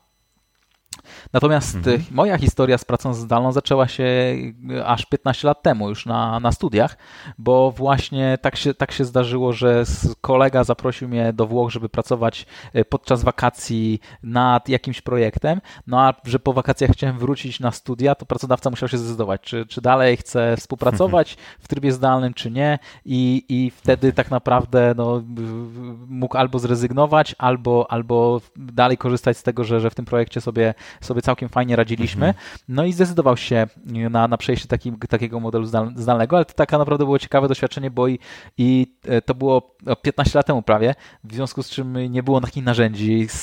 narzędzi Jedyny no tak, był tak. Skype e, po prostu do, do takiej rozmowy. Mhm. On, e, połączenia internetowe nie były jeszcze takie szybkie. Naprawdę praca, praca zdalna była dużo utrudniona i teraz naprawdę mamy narzędzia, które tą produktywność zwiększają, mhm. E, w związku z czym e, myślę, że teraz jest na to dużo lepszy moment i już podczas studiów polecam tak naprawdę szukać projektów, w których możemy mhm. nawet w niepełnym wymiarze wypróbować, jak się pracuje zdalnie, tak? Są, są takie, takie miejsca, gdzie po prostu można podjąć się takich zadań niewysoko wartościowych, na przykład dla firmy, ale powiedzmy, nie wiem, mhm. czy automatyzacja testów. Nie jest to powiedzmy dla programistów na przykład, którzy chcą pracować nad jakąś domeną biznesową, y, część główna i to, co by chcieli robić w 90% tak. swojej pracy, ale jeżeli firma potrzebuje takiego QA inżyniera, e, który będzie automatyzował testy, czy front, czy end-to-end, czy, czy jakieś testy integracyjne, mhm. E, które też sprawdzają, nie wiem, dane w bazie po tym, jak się coś zadzieje na, na UI-u, czy, czy przez API, no to to jest na przykład fajne, bo oni mogą w łatwy sposób takie coś oddać, takie zadania, niekoniecznie osobie będącej na miejscu, a dla nas y, to też będzie taki poligon do tego, żeby mhm. sprawdzić, jak, się, jak, jak w takiej zdalnej pracy sobie radzimy, jak y, dostarczamy zadania, czy y, odbiorca jest zadowolony z tego i, i, i tak naprawdę tak przymierzyć się do tego, do tego tematu. Mhm. Dokładnie. Dzięki, że tak kompleksowo podsumowałeś ten temat. Y, no właśnie, wiem, że macie mm, fajny produkt związany z rekrutacją e, programistów i też świadczycie takie usługi powiedzmy wokoło mhm. pracy zdalnej. E, mógłbyś nieco więcej odpowiedzieć, bo to jest taki mm, produkt, który jest dosyć, uważam, jeszcze nietypowy i stosunkowo innowacyjny. Tak. No nie da się ukryć, że, że jakby ogólnie nasza usługa jest y, dosyć dużym ewenementem na rynku, ponieważ jesteśmy sami programistami. Wiemy, jak denerwujące jest otrzymywanie wiadomości od rekruterów, którzy tak naprawdę nie mają pojęcia, co robisz, ani że Java jest skrótem od JavaScriptu, tak? Czyli najpowszechniejszy błąd po prostu początkujących tak, rekruterów w naszej tak, tak. branży. Znamy potrzeby zarówno klientów, sami zatrudnialiśmy programistów e, w dłuższym czasie e, i myślę, że, że staraliśmy się znaleźć taki złoty środek pomiędzy tym, jaką wartość dać kandydatowi w procesie i jaką dać wartość e, klientowi. Przekonujemy naszych klientów do pracy zdalnej, a w zamian dostarczamy ich właśnie świetnych kandydatów, których umiejętności techniczne, jak i komunikacyjne są przez nas sprawdzane w dokładny sposób, a nie wymagające poświęcenia mhm. dużej ilości godzin osób technicznych zaangażowanych właśnie w jakieś projekty e, wewnątrz e, firmy. E, bardzo jest też istotne, że u nas przechodząc przez, przez proces rekrutacyjny, który staramy się bardzo dobrze zorganizować i bardzo fajnie też informować kandydata na każdym etapie procesu, co się, co się dzieje z jego aplikacją, Staram się kandydatów traktować tak, jak sami byśmy chcieli być traktowani jako programiści, czyli mhm. szanować jego czas, odpowiednio przypominać o, o, o spotkaniach, budować relacje, ale też, żeby ten rezultat naszego procesu rekrutacyjnego nie poszedł do śmieci. W związku z czym stworzyliśmy takie swoje wewnętrzne narzędzie, y, które roboczo nazywamy interaktywne CV i e, tam e, potraf, przygotowujemy dla, dla, naszego kandydata taki bardzo, bardzo fajnie przygotowany profil, wyglądający podobnie powiedzmy jak mhm. LinkedIn, mm -hmm. ale też staramy się, żeby kandydaci powiedzieli kilka słów o sobie w, takiego, w formie takiego skróconego wideo intro. Przy pracy zdalnej mm. właśnie od razu mogą pokazać, w jaki sposób komunikują się po tak. angielsku. E, to e, nie dla wszystkich programistów jest komfortowe, ale jednak daje też mm -hmm. jakiś taki trening, przygotowanie do tego, że no na co dzień będziemy, będziemy przed kamerą, tak? Będziemy się komunikować z mhm. innymi. Fajnie do tego przywyknąć, mm. więc e, warto, warto do tego spróbować. Mm, przy okazji wszystkie rezultaty właśnie z naszych hacker ranków, e, a także z zadań domowych, które kandydaci rozwiązują w domu, przygotowujemy mm-hmm. code review, e, przygotowujemy wideo, które pokazuje, jak kandydat rozwiązał zadanie, jak kandydat, jak kandydat mm-hmm. pisał kod, jakie są ciemne, jasne strony tego kodu, co, co, fajnie, co fajnie zrobił, co nie fajnie, co zadziałało, co nie zadziałało. I taki fajny, interaktywny E, profil, jeżeli kandydat oczywiście przejdzie u nas przez odpowiedni próg, czyli, czyli dostanie się do tego ostatniego etapu rekrutacji, kiedy z klientem już miałby się spotkać, to wtedy mhm. to jego e, to jego zaangażowanie w proces rekrutacyjny nie idzie na marne.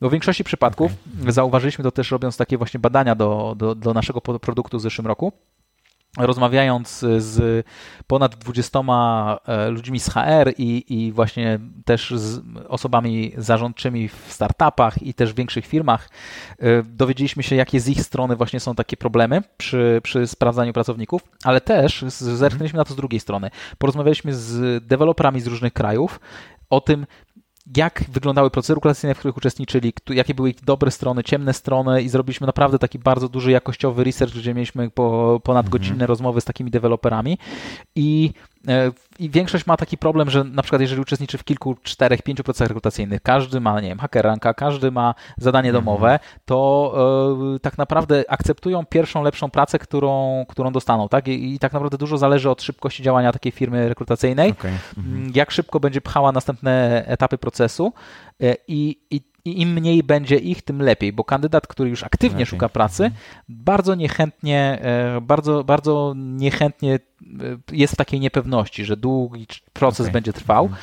E, w związku z czym my stwierdziliśmy, że zróbmy e, tak, że, że jeżeli nasz klient szuka jednej czy dwóch osób na dane stanowisko, no ale wiadomo, na początku lejka mamy więcej osób, przez ten proces przechodzi ileś. Mhm. E, powiedzmy, że jest to pomiędzy 3 a 5 osób naprawdę dobrze sprawdzonych na takiej shortliście po kilku tygodniach od rozpoczęcia procesu. E, mhm. Zatrudnione zostanie jedna bądź dwie osoby, ale tam, tam inne osoby, które przeszły ten proces, oni, oni naprawdę e, zaangażowali się, świetnie, świetnie ten proces im poszedł, pokazali fajne rezultaty, bo inaczej my byśmy ich naszym klientom nie przedstawili. Jeżeli my byśmy nie byli pewni, okay. że sami chcemy mhm. kogoś takiego zatrudnić w naszej firmie, jako programistę, to byśmy, e, to byśmy go nawet nie wydelegowali do ostatniej rozmowy.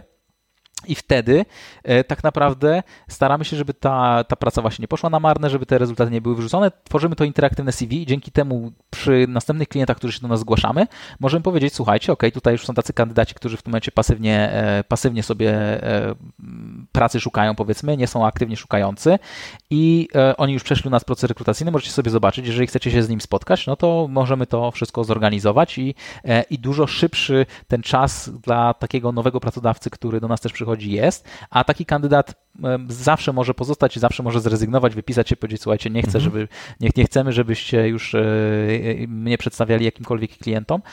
Ma na tym pełną kontrolę, a, a, ale zyskuje tą wartość, że może rozmawiać z innymi, a że my się rozwijamy.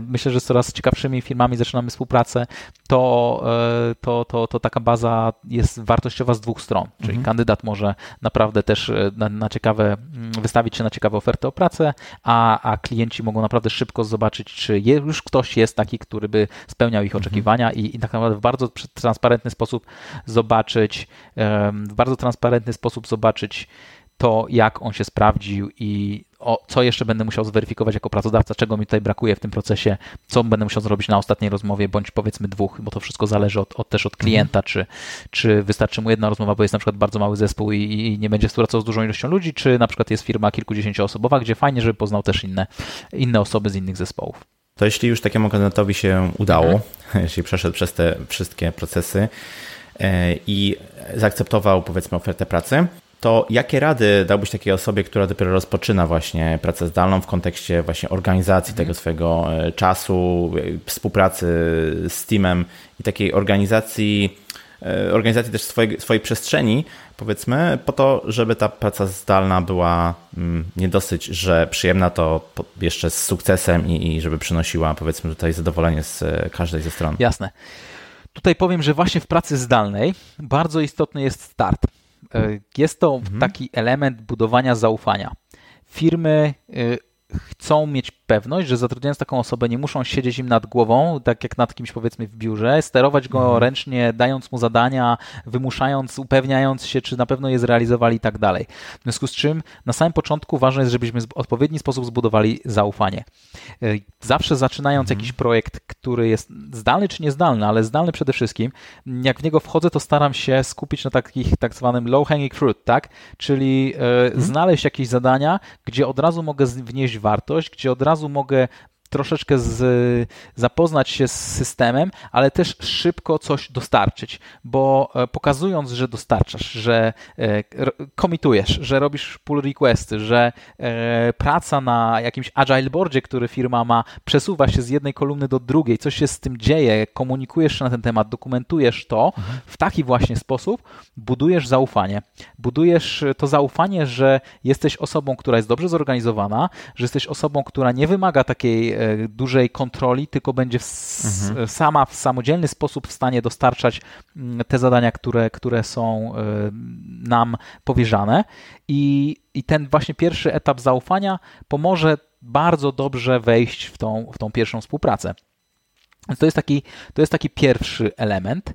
Mhm. Drugi element jest na pewno przygotowanie sobie odpowiednie swojego stanowiska pracy. To znaczy, że jeżeli nie pracowaliśmy wcześniej zdalnie, tak jak już mówiłem, nie polecam leżenia w łóżku z komputerem, kodowania. Jest to miejsce, które kojarzy się z odpoczynkiem, więc y, osoby, które, które w ten sposób podchodzą do pracy zdalnej, myślą, że tak można, a rozmawialiśmy z ludźmi, którzy też tak, takie mieli przeżycia i, i wiedzą już po mhm. tym, że, że tak się nie robi, mm, to rozdeniwia, to kończy się tym, że, że, że mieszamy swoje życie codzienne z pracą. Też potem ciężko jest się odłączyć od pracy co też jest bardzo dużym problemem akurat przy pracy zdalnej, o którym warto pomyśleć. Tak. Sama organizacja e, swojego miejsca pracy też jest ważna, żeby mieć, żeby mieć dobre, do, dobre biurko, dobre krzesło, e, wygodne w, w jasnym miejscu. E, najlepiej, żeby mieć osobny pokój. No nie fajnie jest mieć jednak biurko koło łóżka. Jeżeli mamy małe mieszkanie, nie jesteśmy, jesteśmy w stanie wydzielić sobie specjalnej przestrzeni, pomyślmy o jakimś alternatywnym miejscu, gdzie możemy pracować. Pogadajmy ze znajomymi, może mają biuro, jeżeli jest to jakaś mała miejscowość, to też jest właśnie bardzo fajne w kontekście pracy zdalnej, że tak naprawdę praca zdalna nie ogranicza e, do tego, że ktoś musi pracować z dużego miasta. Jeżeli ma się tak. dobre połączenie internetowe, można pracować z mniejszych miejscowości, no ale tam znowu jest inny problem, e, że generalnie może być problem z taką przestrzenią biurową, ale można próbować dogadać się z jakąś lokalną firmą, która, która ma siedzibę, podnająć od nich na przykład biurko. E, więc tutaj Wystarczy się wykazać troszeczkę kreatywnością, żeby takie miejsce pracy sobie odpowiednio zorganizować, ale koniecznie trzeba się do tego e, przygotować i nie traktować to na zasadzie, a będę sobie pracował i zobaczę jak będzie, nie? Więc y, to nie, to, to, to odpada. Y, Pewnie. Ważne jest, żeby się przygotować też pod kątem technicznym, czyli zadbać o dobre połączenie internetowe. Firmy, które są już dojrzałe do pracy zdalnej, wiedzą i, i na przykład sugerują, a użyj fast.com czy tam speed test, żeby, mhm. żeby sprawdzić, jakie masz połączenie internetowe. Jeżeli masz za słabe, porozmawiaj z nami jak możemy Ci pomóc. Może oprócz Neostrady na przykład, którą masz u siebie, która, która nie wiem, ma tam w związku z ograniczeniami e, centralki mhm. ilością, nie wiem, budynków tej miejscowości nie, nie da Ci więcej niż 2 megabity czy 5 megabitów, pomyśl może o alternatywnym jeszcze połączeniu LTE, spróbuj to połączyć jedno z tak. drugim i firmy, które są naprawdę dojrzale zdalnie, mówią, ok, połącz się z nami. Miałem właśnie, też, też współpracowałem z takimi firmami, więc e, te firmy, które wiedzą, że to jest istotne, e, podchodzą do tego naprawdę poważnie i można mhm. dostać czy dofinansowanie do, do zakupu właśnie jakiegoś dodatkowego mhm. łącza, czy, e, czy właśnie e, też, też e, przez firmę może być dostarczony tego typu mm, rozwiązanie, jakieś urządzenie, też router, jakiś LTE z, z jakimś anteną wzmacniającą sygnał, żeby naprawdę można było lepiej pracować poza połączeniem internetowym, które jest tak naprawdę mhm. bardzo dużą podstawą i to też u nas od razu w procesach do rekrutacji zdalnej. Jeżeli ktoś przychodzi na rozmowę kwalifikacyjną, Igor wie, i gościna i tak dalej, no to no hmm, słuchaj, źle wróży, źle wróży to na, na, na, współpracę. Jeżeli, jeżeli nie, nie jesteś do tego dobrze przygotowany, no to i rozmowa kwalifikacyjna nawet jest e, ciężko do, ciężka do przeprowadzenia, no to w jaki sposób będziesz mógł pracować codziennie zdalnie i dostarczać rezultaty dla swojego pracodawcy, jeżeli nie będziesz mógł w hmm. odpowiedni sposób się komunikować, czy nie będziesz miał odpowiednio szybkiego łącza. To jest taki, to jest taki pierwszy wtedy żółte światełko. Druga sprawa to jest właśnie headset.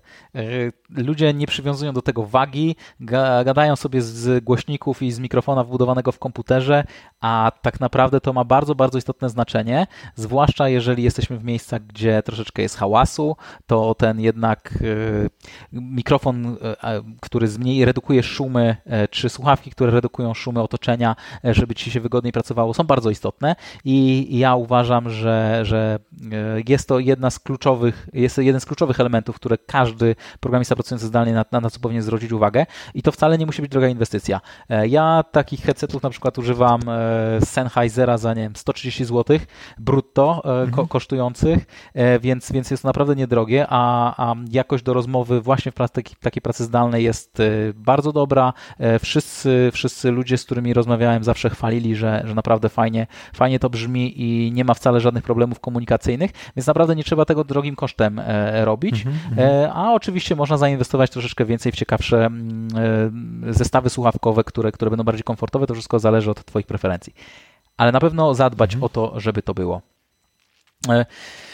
Tak, mi się wydaje, że jeszcze pewnie, e, pewnie byłoby troszeczkę takich rzeczy, do których e, warto, o których warto było pomyśleć. Na przykład to, w jaki sposób my lubimy pracować i, i skupiać się i wyłączać tak naprawdę różne y, przerywniki, które na, do nas nadchodzą, jak, jak maile, jak, jak telefony i tym podobne rzeczy, żeby ustalić sobie jakieś własne reguły. Jest Pomodoro Technique, tak? czyli praca, praca na przykład w trybie 25 mhm. minut, 5 minut przerwy, y, które mhm. bardzo fajnie się sprawdza. Ja na przykład lubię w takim trybie pracować, ale ale wolę takie dłuższe interwały, 50 minut pracy, na przykład 10 minut tak. przerwy, bo jednak dużo więcej, ciężej mi jest jak w taki tryb flow programistyczny wejść w krótszym czasie niż, niż 50 minut i, i wtedy to jest dużo bardziej mhm. produktywne i, i dopiero przez 10 minut patrzę, co się spodziało, tak? Co się na Slacku napisał, czy ktoś dzwonił, Jasne. oddzwonić, odpisać e, i tak dalej, żeby, żeby tą pracę sobie fajnie zorganizować. Więc myślę, że takie, takie, takie standardowe tematy odnośnie produktywności fajnie jest sobie sprawdzić, bo jednak co innego jest troszeczkę praca z, z biura, co innego jest praca z domu, gdzie jest ta elastyczność, gdzie, gdzie możecie oderwać e, różne sprawy, mhm. dziecko, żona, e, obiad, e, potem do, tego, do tej pracy trzeba wrócić.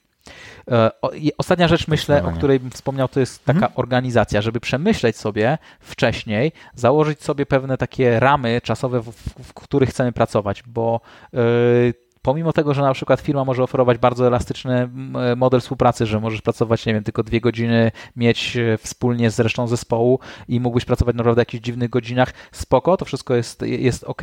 Natomiast warto, żeby sobie to, e, żeby sobie zrobić jakąś dyscyplinę wokół tego i ułożyć sobie to na stałe, a tylko jakby jakieś wariacje, informować resztę zespołu, czy to na Slacku, czy jakimiś innymi narzędziami, że mhm. powiedzmy, ja standardowo pracuję, nie wiem, rano pomiędzy 8 a 13, potem robię sobie przerwę 2 godziny, potem pracuję znowu, to jest moje mniej więcej 8 godzin dostępności w ciągu dnia.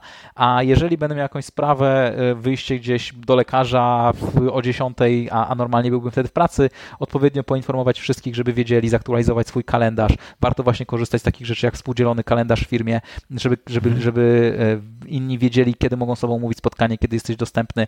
Ja zawsze bardzo dbam o to, że, że, żeby na przykład wszystkie moje, nie wiem, czy wizyty lekarskie, czy, czy nie wiem, że muszę odebrać dziecko skąd, czy jest, nie wiem, dzień mamy i taty w przedszkolu, e, żeby to wszystko zablokować sobie w kalendarzu, żeby mhm. ktoś widział, że ok, teraz mogę się z Maxem mówić, teraz nie, e, żeby to naprawdę ta współpraca mogła być optymalna, bo wtedy każdy będzie wiedział, na czym się stoi i też to będzie mhm. dużo bardziej produktywne. Ale myślę, że to taka, taka ostatnia porada odnośnie tego, jak, jak w takim, po wejściu w taką pracę zdalną się, e, się zachowywać. Dzięki, dzięki, sporo cennych wskazówek.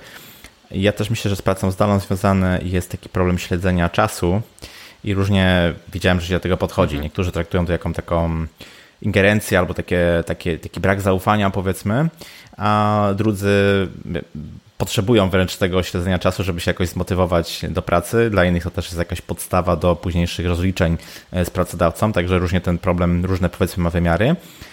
Chciałbym Cię zapytać, jak ten problem z Twojego punktu widzenia wygląda, jakie masz obserwacje i czy znasz jakieś narzędzia, które powiedzmy mogą tutaj ułatwić nam to, to, ten problem śledzenia czasu? Jasne. E, więc e, tutaj osobiście i też naszych klientów zawsze do tego namawiamy.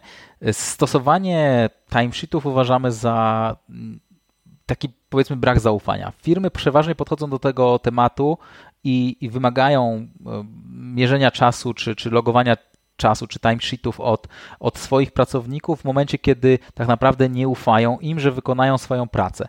No jeżeli komuś nie, nie mhm. ufasz, że wykona swoją pracę, to dlaczego go w ogóle zatrudniasz? Od tego zacznijmy. E, w związku z czym według mnie dużo, e, dużo ważniejsze jest zbudowanie tego zaufania, że ludzie będą wykonywali swoją pracę, że będą realizowali cele, które mm, są przed nimi stawiane, że będą wywiązywali się z tych obowiązków, no i e, reagowanie, jeżeli tak się nie dzieje, a nie mierzenie czasu i, i śledzenie ich i robienie screenshotów, e, jak, jak niektóre firmy mm, robią, e, korzystając z jakichś różnych narzędzi, które, które sprawdzają, czy ktoś jest aktywny w tym momencie, czy nieaktywny, e, czy siedzi mhm. przed monitorem, czy nie siedzi przed monitorem, robią zdjęcia z kamery, robią screenshoty podczas pracy. Dla mnie to jest absolutnie, nigdy bym się nie podjął tego rodzaju, tego rodzaju pracy. Mhm. Zawsze staram się dawać jak największą wartość swoją pracą, ale nie nie chcę, żeby ktoś po prostu cały czas mi patrzył przez ramię, bo to jest zupełnie niekomfortowe uczucie. Mhm. E, I tak, ostatnio nawet mm, dołączyłem do, do społeczności wokół konferencji Running Remote, która właśnie jest organizowana na Bali. E, będzie, będzie zaczynała się bodajże w piątek tam e, na tym, na, na, na tym, w tej społeczności, która uczestniczy, jeden z członków konferencji zapytał się właśnie, jak podchodzicie do, do mierzenia czasu. I te firmy, które są naprawdę dojrzałe zdalnie, wypowiedziały się, że zdecydowanie e, są przeciwne temu, żeby, żeby ten, ten mhm. czas mierzyć. E, I lepiej właśnie zbudować odpowiednią kulturę, gdzie, gdzie jest to zaufanie, gdzie jest rozliczanie za efekty, a nie za czas spędzony przed monitorem. I, i tak uważam, uważają, że powinno się podchodzić do tego. Natomiast są takie pewne sytuacje specyficzne, gdzie nie zawsze e, odejdzie się od tego, od tego mierzenia czasu. Są mhm. powiedzmy firmy, które na przykład z klientami rozliczają się e, w formie właśnie, e, nie wiem, ileś godzin poświęcona na development produktu, tak, w, biorą udział w przetargach, gdzie, gdzie wycena jest za godzinę czy za dzień pracy e, i tym podobne rzeczy. No i w takich sytuacjach, gdzie powiedzmy dla podstaw przychodu danej firmy jest niezbędne, żeby deweloper wypełnił timesheet, no to niestety czasami trzeba zagryźć zęby i to zrobić. Aczkolwiek no mhm. też warto, żeby, żeby firma firma naprawdę dała do tego e, odpowiednią elastyczność, odpowiednie narzędzia, żeby to nie było narzutem za dużym na pracę, zmniejszało produktywność i tak naprawdę satysfakcję z pracy. Warto przemyśleć, w jaki sposób standardy tego, tego mierzenia czasu i raportowania tego, tego zmierzonego czasu, przepracowanego czasu wprowadzić, żeby, żeby tego zaufania pomiędzy pracodawcą a pracownikiem nie zmniejszać, a, a e, żeby spełniło to swoją, swoją um, rolę, prawda? Jak najbardziej się z, z Tobą zgadzam. Mm, wspomniałeś kilka razy o tym, że no jest wymagana pewna taka doza mhm. świadomości firmy, która się decyduje na wprowadzenie e, pracy zdalnej. po, po to, żeby chociażby mm, ten projekt powiedzmy odniósł sukces i żeby mm, przyjęło się to, że pracujemy zdalnie i sobie ufamy i tak dalej w związku z tym mam pytanie, czy są jakieś takie dobre e, praktyki, jakieś dobre, dobre rady, które można byłoby wskazać, jeśli chodzi właśnie o budowanie takich zespołów programistycznych pracujących e, zdalnie? Co się po prostu sprawdza? Zdecydowanie tak. E, przede wszystkim jeszcze zawsze trzeba brać pod uwagę, że są, że są zespoły, które są całkowicie zdalne, są zespoły też, które są tworzone w takim hybrydowym modelu, prawda? Mhm. Część osób pracuje zdalnie, część osób pracuje na, na miejscu w biurze. Trzeba przede wszystkim, tworząc taki zespół, pamiętać, żeby starać się wszystkich traktować równo, że jeżeli są osoby, które pracują w biurze, nie organizować sobie zamkniętych spotkań w salce konferencyjnej, gdzie pominięci będą pracownicy pracujący zdalnie. Ja w ogóle w, mhm. takich, e, w takich hybrydowych rozwiązaniach polecam i, i um, jeden z naszych klientów e, w Norwegii e, bardzo fajnie do tego podszedł i zobaczyliśmy naprawdę duży wzrost produktywności, kiedy stwierdziliśmy, że spotkania nie powinny się odbywać w salce konferencyjnej i reszta pracowników, mm. pracownicy, którzy pracowali zdalnie, byli przed monitorami, przed zestawami słuchawkowymi, siedzieli sobie, a, a tam powiedzmy 3 czy 4 osoby były w salce konferencyjnej. No, okazało się, że, że zmiana tego modelu na to, że każdy ze swojego biurka się zdwaniał, było dużo bardziej produktywne. Okay. Sprawiło, że, że zespół dużo bardziej się czuł zjednany, pomimo tego, że siedzieli w różnych miejscach i mhm. część osób siedziała razem, to nie było, nie tworzyło tworzyła się ta taka e, sztuczna granica pomiędzy tym, że ci są on-site, ci są on, e, off-site, e, mhm. zdalni i praca dużo fajniej przebiegała. Wszyscy czuli się jakby byli w jednym takim zespole, więc ja staram się odchodzić od takiego elementu, na przykład salek konferencyjnych, bardziej starać się organizować spotkania, gdzie każdy, każdy pracuje zgodnie z, z, z tymi narzędziami do pracy zdalnej, niezależnie od tego, czy to jest biurko, czy nie biurko. My, my sami też w takim, takim hybrydowym modelu pracujemy u nas w firmie. Są osoby, osoby, które są, pracują on-site, są osoby, które pracują zdalnie. Ja na przykład jestem taki bardzo latający, to znaczy, że e, w biurze bywam rzadko, a, a często pracuję z różnych lokalizacji, czy z centrów coworkingowych, czy, e, czy z domu, czy, czy też z, z naszego biura I, e, I staram się uczyć ludzi, że e, to, że na przykład jestem przy biurku i siedzę w biurze, to nie znaczy, że można mnie podejść, mnie klepnąć w ramię i mi przeszkodzić, tak? No tak. to nie na tym to polega. Chodzi o to, żeby, mhm. żeby dopasować to do mojej dostępności, tak? Zobacz sobie w kalendarzu, czy nie ma przypadkiem spotkania, napisz do mnie na Slacku, kiedy można się do mnie zwrócić. Taki troszeczkę manual, mhm. jak się obchodzić z osobą pracującą zdalnie, też jest, też jest warto sobie mhm. przyswoić, czasami stworzyć wewnątrz firmy. Także od takiej firmy, która chce pracować w modelu zdalnym, warto właśnie, żeby praktyki e, takie, takie stosować. Jak, jak e, próba zrównania e, właśnie ludzi, nie wykluczania tych pracowników zdalnych przez, przez takie sztuczki, nawet jak zwanianie się z, z, ze swoich, zawsze sprzed swoich monitorów, ze swojego stanowiska pracy. Bardzo ważne jest wprowadzenie takiej dużej świadomości dokumentacji i pozostawiania śladu po wszystkich decyzjach i, i komunikacji mhm. całej. Jeżeli spotykamy się nawet w, biurze, tak, e, I, i nie ma wszystkich członków danego spotkania, e, danego zespołu w, w, podczas tego spotkania, to coś po tym się musi zadziać dalej w naszych systemach do zarządzania projektem, czy, czy issue tracking w Jirze, jakaś informacja musi być zawarta, tak? Co się, co się stało, więc mhm. firmy powinny zadbać o odpowiednią formalizację swojego procesu komunikacji. To jest według mnie pewien overhead, ale też y, uodparnia to organizację na, na skalowanie w przyszłości.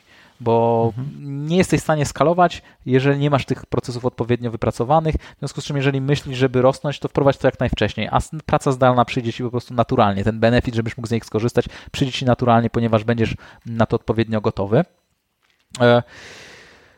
Myślę, że to są takie kluczowe, e, mhm. kluczowe e, elementy, e, które, do których się trzeba przygotować, ale też fajnie jest mieć takie własne jakby instrukcje czy, czy handbook dla, dla ludzi, którzy są w Twoim zespole i jeżeli jesteś firmą zdalną, to te firmy bardzo często właśnie takie rzeczy uskuteczniają, czyli piszą, jakich narzędzi korzystamy, w jaki sposób, dokumentują, jak się komunikują, dokumentują właśnie to, co wspominałem wcześniej, jakie połączenie internetowe powinni mieć. Mhm. W takich firmach naprawdę dojrzałych zdalnie, gdzie widziałem to, E, oczekują też, że jak tworzysz sobie swój profil e, w jakimś narzędziu powiedzmy firmowym, każdy, każdy tam jakieś tam swoje ma praktycznie, czasami nie, ale ty na mhm. przykład na Slacku też sobie tworzą takie swoje profile, żeby zamieścić na przykład tak. link do benchmarka swojego, swojego komputera, jak zrobiłeś, żeby zobaczyć, czy naprawdę on jest wystarczająco wydajny, bo jeżeli nie, to taka firma może na przykład cię wesprzeć, jakiś upgrade ci zasponsorować, coś w tym mhm. guście. Też informacje właśnie o tym, jakich, gdzie przetestować łącze, jakie oczekiwalibyśmy, żeby one było i co zrobić, mhm. jeżeli takiego nie masz. Takie, takie dobre praktyki to jest fa fajnie naprawdę naprawdę przygotować się do tego odpowiednio wcześnie, bo wtedy nie będziemy mieli takiej troszeczkę problemu, który większość pracodawców właśnie wiąże pracę zdalną z tym, że to będzie taka praca jak freelancer, który dostał opis od analityka, zrobić to, to, to i to, nie wychodzi zupełnie myślami poza to, co ma, co ma na dzień dzisiejszy do zrobienia, e, robi to, co jest mhm. napisane, nie za bardzo angażuje się w, w, w środowisko w firmie, w, w tak. atmosferę zresztą ludzi. Więc to, to wszystko, to musimy niestety proaktywnie w takiej zdalnej firmie próbować tworzyć. Próbować tworzyć takie środowisko, gdzie będziemy chcieli się integrować z ludźmi, gdzie będziemy e, chcieli e, z nimi rozmawiać, symulować tak zwane te water cooler chats, to, to też też bardzo dużo takich fajnych e, materiałów było poruszanych e, i tych problemów było poruszanych na konferencji e, The Remote Future Summit, na której miałem prezentację. Ja mhm. akurat mówię o rekrutacji, ale były inne świetne prezentacje co-speakerów, z którymi, który, które przeglądałem właśnie o tym, jak, jak zadbać proaktywnie o to, żeby kulturę, kulturę rozwijać, o tym, żeby w jaki sposób organizować spotkania w zespole, jakie, jakie są różne metody, techniki, żeby, żeby stymulować to, ten, to zaangażowanie w organizację. Mhm. Więc ta praca zdalna robi się coraz bardziej popularna i jest coraz więcej ciekawych i miejsc, i osób, które mogą udzielić takie informacje i e, naprawdę zachęcam do tego, że, że jeżeli firma ma do tego, chce, chce do tego podejść poważnie, to albo żeby się do tego przyłożyła, albo żeby znalazła do współpracy właśnie jakąś firmę, która specjalizuje się w tym i będzie pomogła im w tym, w tym przejściowym e, momencie przygotować odpowiednio i, i obecną, obecną kadrę i przyszłych pracowników. I, I tutaj na pewno jest, jest gdzie takim jednym bardzo fajnym na przykład miejscem jest e, Remote mhm. How. E, to jest taka akademia pracy zdalnej e, założona przez Iwo Szapara. Bardzo fajny, bardzo ciekawy projekt i, i, też na przykład dla ludzi, którzy chcą rozpocząć pracę zdalną, warto, warto się z nim zapoznać, ale i dla pracodawców, którzy mhm. myślą o tym, żeby prowadzić pracę zdalną, też bardzo dużo ciekawej wiedzy tam jest. Super, podlinkuję też później w dodatkach. Ja z tego, co obserwuję, to widzę takie dwa podejścia do pracy zdalnej. Albo jest to powiedzmy taki element korowy danej firmy, element DNA firmy, tak jak na przykład y, Nozbi, który jest bardzo często pokazywany jako mm, przykład z założycielem. Zresztą miałem okazję jakiś czas temu rozmawiać w jednym z odcinków mhm. podcastu. Czyli albo jest to taki, taki trzon y, firmy, albo jest to jakiś dodatkowy benefit, opcja, powiedzmy wtedy mamy na przykład właśnie takie mm, zespoły pracujące w hybrydowych bardziej mm, y, modelach. Czy według Ciebie któreś z tych podejść jest w jakiś sposób lepsze? Ja myślę, że oba rozwiązania mają pewne swoje wady i pewne zalety.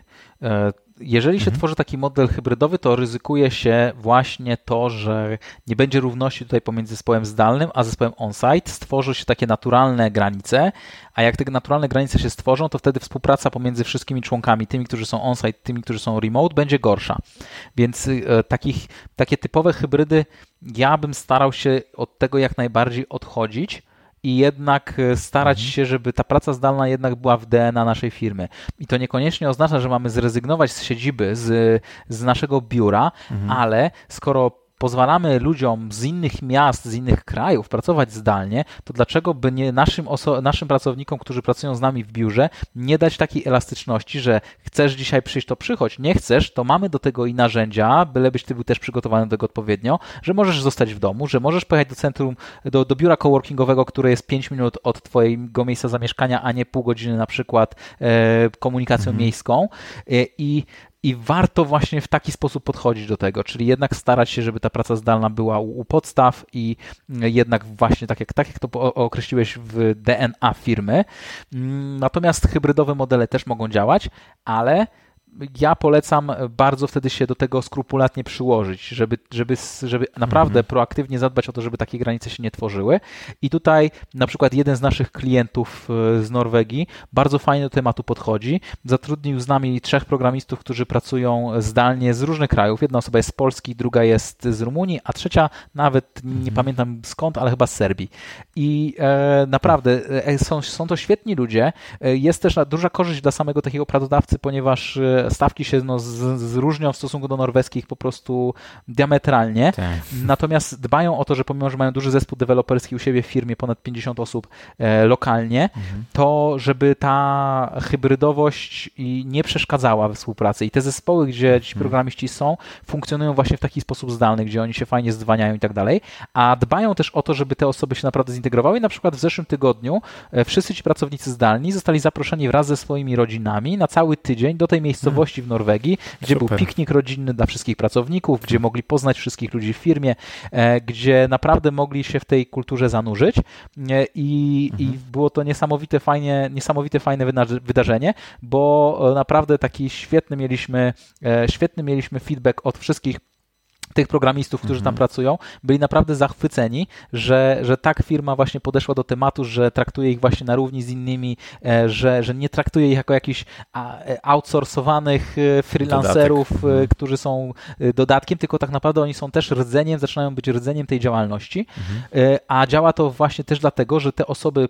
zaczynając pracę zdalną, naprawdę są zmotywowane i chcą się wykazać. I tak naprawdę mhm. często, często bardzo pokazują większą produktywność niż osoby, które pracują on-site. Właśnie z tego względu, że ta, mhm. ten benefit pracy zdalnej i to, że ktoś cię nie widzi, chcesz nadrobić tym, że robisz świetną robotę.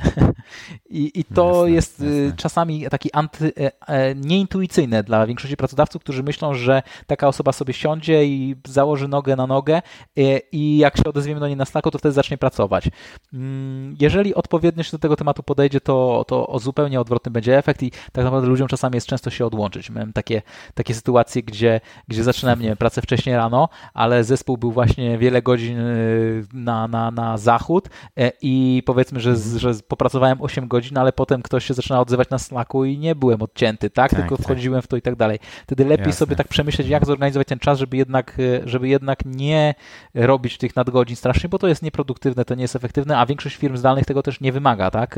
Oni mają mhm, świadomość, mhm. że, że to jest praca normalna i, i chcą, żebyś tak się organizował, żeby być produktywnym, a nie żeby się zajechać po prostu i, i tak naprawdę wpaść, popaść w depresję po kilku miesiącach, do, do czego też taka praca zdalna może prowadzić, bo, bo brakuje tego aspektu Jasne. rozmów z ludźmi, dlatego też warto tak, nie pracować tak, tylko z domu. Ja, ja polecam zresztą bardzo ludziom, że, żeby wychodzili z tego domu i, i poszli do kawiarni, mhm. e, poszli do centrum coworkingowego, żeby spotykać się z ludźmi, bo ludzie są takimi zwierzętami stadnymi, y, że, że długi, długofalowy taki e, okres pracy w izolacji powoduje, że się wpada w depresję zwyczajnie i myślisz, że jest wszystko fajnie, praca e, świetnie ci idzie, masz e, fajne wynagrodzenie, mhm. pracujesz sobie zdalnie, nie, nie tracisz czasu na dojazdy i tak dalej, ale coś jest nie tak, jakoś tak nie, niedobrze się czujesz codziennie, nie? Kończysz pracę i jesteś taki jakiś smutny, nie?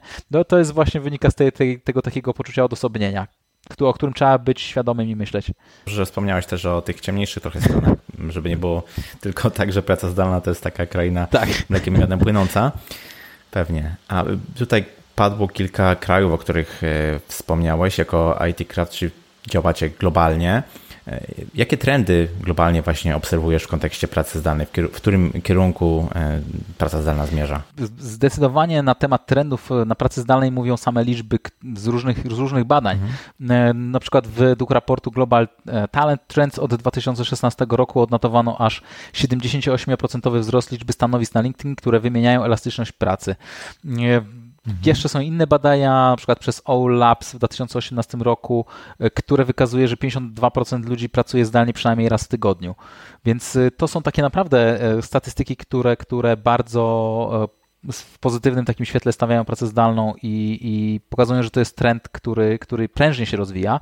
Mm, Buffer.com, tak naprawdę też firma pracująca zdalnie, mhm. bardzo mocno się przykłada do tych wszelkich badań e, dotyczących właśnie rynku pracy zdalnej i oni w ogóle zbadali, że, że 90% programistów, którzy pracują zdalnie w ogóle nie, nie rozważaliby innego trybu już pracy, jak już tak zaczęli, a 95% mhm. ludzi pracujących zdalnie poleca to znajomym i mówi, że to jest naprawdę fajny model, mhm. więc e, jakby trzeba trzeba się spodziewać, że prędzej czy później, w związku z tym, że to jest rynek pracownika, nie pracodawcy jednak, mm, programiści wymuszą na firmach, że ten model pracy zdalnej będzie wymagany, bo inaczej po prostu nie będziesz w tak. stanie pozyskać e, odpowiednich ludzi. I teraz firmy, które z tym zwlekają, e, mogą się postawić w bardzo niekorzystnej sytuacji, bo za dwa lata, powiedzmy, kiedy ten trend będzie dużo bardziej popularny, mm, oni będą mieli problem z, z, z, nie tylko ze znalezieniem odpowiedniej ilości ludzi do pracy, ale też do, żeby wprowadzić zmianę, będą musieli naprawdę szybko reagować. E, a często w dużych organizacjach zwłaszcza to nie jest takie proste, żeby, żeby zmienić procesy, żeby, żeby wprowadzić nowy sposób komunikacji, żeby inne standardy wprowadzić. To jest proces, który może zajmować dużo, więc ja, ja zdecydowanie radzę firmom, żeby myśleć już o tym teraz i starać się troszeczkę eksperymentować e, z tym, z tym podejściem i zobaczyć, co się, co się u nich sprawdza. Mhm. A czy są jakieś miejsca w sieci, które mógłbyś polecić, na których deweloperzy mogą właśnie szukać pracy zdalnej? Jasne, jasne. To, tych miejsc jest trochę. My też e, na bieżąco śledzimy wszystkie trendy na tym rynku. Mm, najwięcej ogłoszeń na pewno deweloperzy znajdą na Angel List, czyli angel.co tam przede wszystkim będą oferty od startupów, które znacznie chętniej oferują pracę zdalną niż powiedzmy jakieś większe firmy. Mm, jest tam bardzo, bardzo dużo ofert, ale też trzeba być przygotowany na to, że jest ogromna konkurencja, bo w, w, znając mhm. klientów, którzy, którzy właśnie na, na Angel liście się ogłaszają, wiemy, że po prostu otrzymują bardzo dużo zgłoszeń, e, naprawdę dziesiątki, niekiedy setki, zwłaszcza jeżeli oferują ciekawe wynagrodzenie niezależne od lokalizacji e, i, i trzeba się spodziewać, że tam będzie duża konkurencja i będzie się trzeba przyłożyć troszeczkę bardziej do procesu rekrutacyjnego niż w innym, e, niż w tak, szukając takiej pracy stacjonarnej. W Polsce Just Join IT jest na pewno świetny. Jest to, jest to portal, który zarówno ma bardzo ciekawe oferty, jak i bardzo fajne rezultaty generuje dla pracodawców czy rekruterów. Naprawdę, naprawdę, naprawdę polecam. No Fluff Jobs też w Polsce, e, Raybay, gdzie też można zaznaczyć preferencje pracy zdalnej. E, FlexJobs to jest jeden z takich większych portali, który oferuje nie tylko dla IT a, ale ogólnie w takim trybie pracy zdalnej powiedzmy, że IT stanowi znaczną większość, jeżeli chodzi o, o mhm. oferty. E, We Work Remotely to jest jeszcze jeden ciekawy portal, remote.co, e, Remotive, e, Remote OK i um, na przykład też na Stack Overflow czy na Product Hunt Jobs. No jest tego trochę, ja też Ci mogę podesłać listę tych wszystkich, które, tak, które my, na które my zwracamy uwagę i, i będziesz mógł zamieścić i dla deweloperów chętnych właśnie znaleźć takie taką pracę e, polecić, gdzie, gdzie mogą tego poszukać. Mhm, świetnie. Ja już więcej pytań nie mam. E, no i wow, jestem naprawdę pod wrażeniem. Bardzo Ci dziękuję, Max, za, za tą rozmowę, bo tutaj tona, tona takich praktycznych porad i wskazówek. Z jednej strony zareklamowaliśmy, mam wrażenie, trochę pracę zdalną, z drugiej strony bardziej powiedzieliśmy, jak z niej skorzystać, będąc i kandydatem, i, i, i pracodawcą. Mhm. Także myślę, że bardzo wartościowy e, odcinek. Jeszcze raz wielkie dzięki i powiedz proszę, gdzie Cię można znaleźć, jak się z Tobą skontaktować. E, cieszę się bardzo, że uważasz, że mogliśmy coś ciekawego przekazać tą rozmową właśnie słuchaczom. E, ja uważam, że praca zdalna to jest bardzo ciekawy kierunek, gdzie e, warto, na który warto spojrzeć z punktu widzenia zarówno kandydata, jak i pracodawcy, także bardzo się cieszę, że mnie tutaj zaprosiłeś i bardzo miło było z Tobą porozmawiać. Hmm. Znaleźć można mnie na pewno na www.itcraftship.com, czyli na naszej stronie. Można też mnie znaleźć na LinkedInie, szukając po prostu prostu Maksymilian Majer. E, też chętnie zapraszam do połączenia e, ludzi, którzy chcą, e, ludzi, którzy chcą się troszeczkę dowiedzieć więcej na, na temat pracy zdalnej. Można zajrzeć na naszego bloga, można napisać do mnie. Ja też chętnie zawsze udzielę pomocy, porady i wskazówki, czy to, czy to dotyczącej rekrutowania, czy to dotyczącej dobrych praktyk w pracy zdalnej. Także zachęcam do kontaktu. Wielkie, wielkie dzięki. No i do usłyszenia. Do usłyszenia. Cześć. Cześć. I to na tyle z tego, co przygotowałem dla Ciebie na dzisiaj. Praca zdalna to trend, który się umacnia, zwłaszcza w IT. Trzeba jednak wyraźnie powiedzieć, że nie jest to rozwiązanie na wszelkie problemy świata. Sam pracuję zdalnie od kilku lat i widzę wady i zalety tego rozwiązania. Mam nadzieję, że odcinek pomoże Tobie lub Twoim znajomym w następnym procesie rekrutacyjnym. Jeśli Ci się spodobał, podziel się nim w social mediach lub w aplikacji, w której słuchasz podcastów. A teraz obiecany konkurs. Do wygrania wejściówka na konferencję Dynamit, która odbędzie się 17 sierpnia 2019 roku w Krakowie. Będę na nie występował w ramach ścieżki technologicznej, więc będzie okazja, żeby się zobaczyć.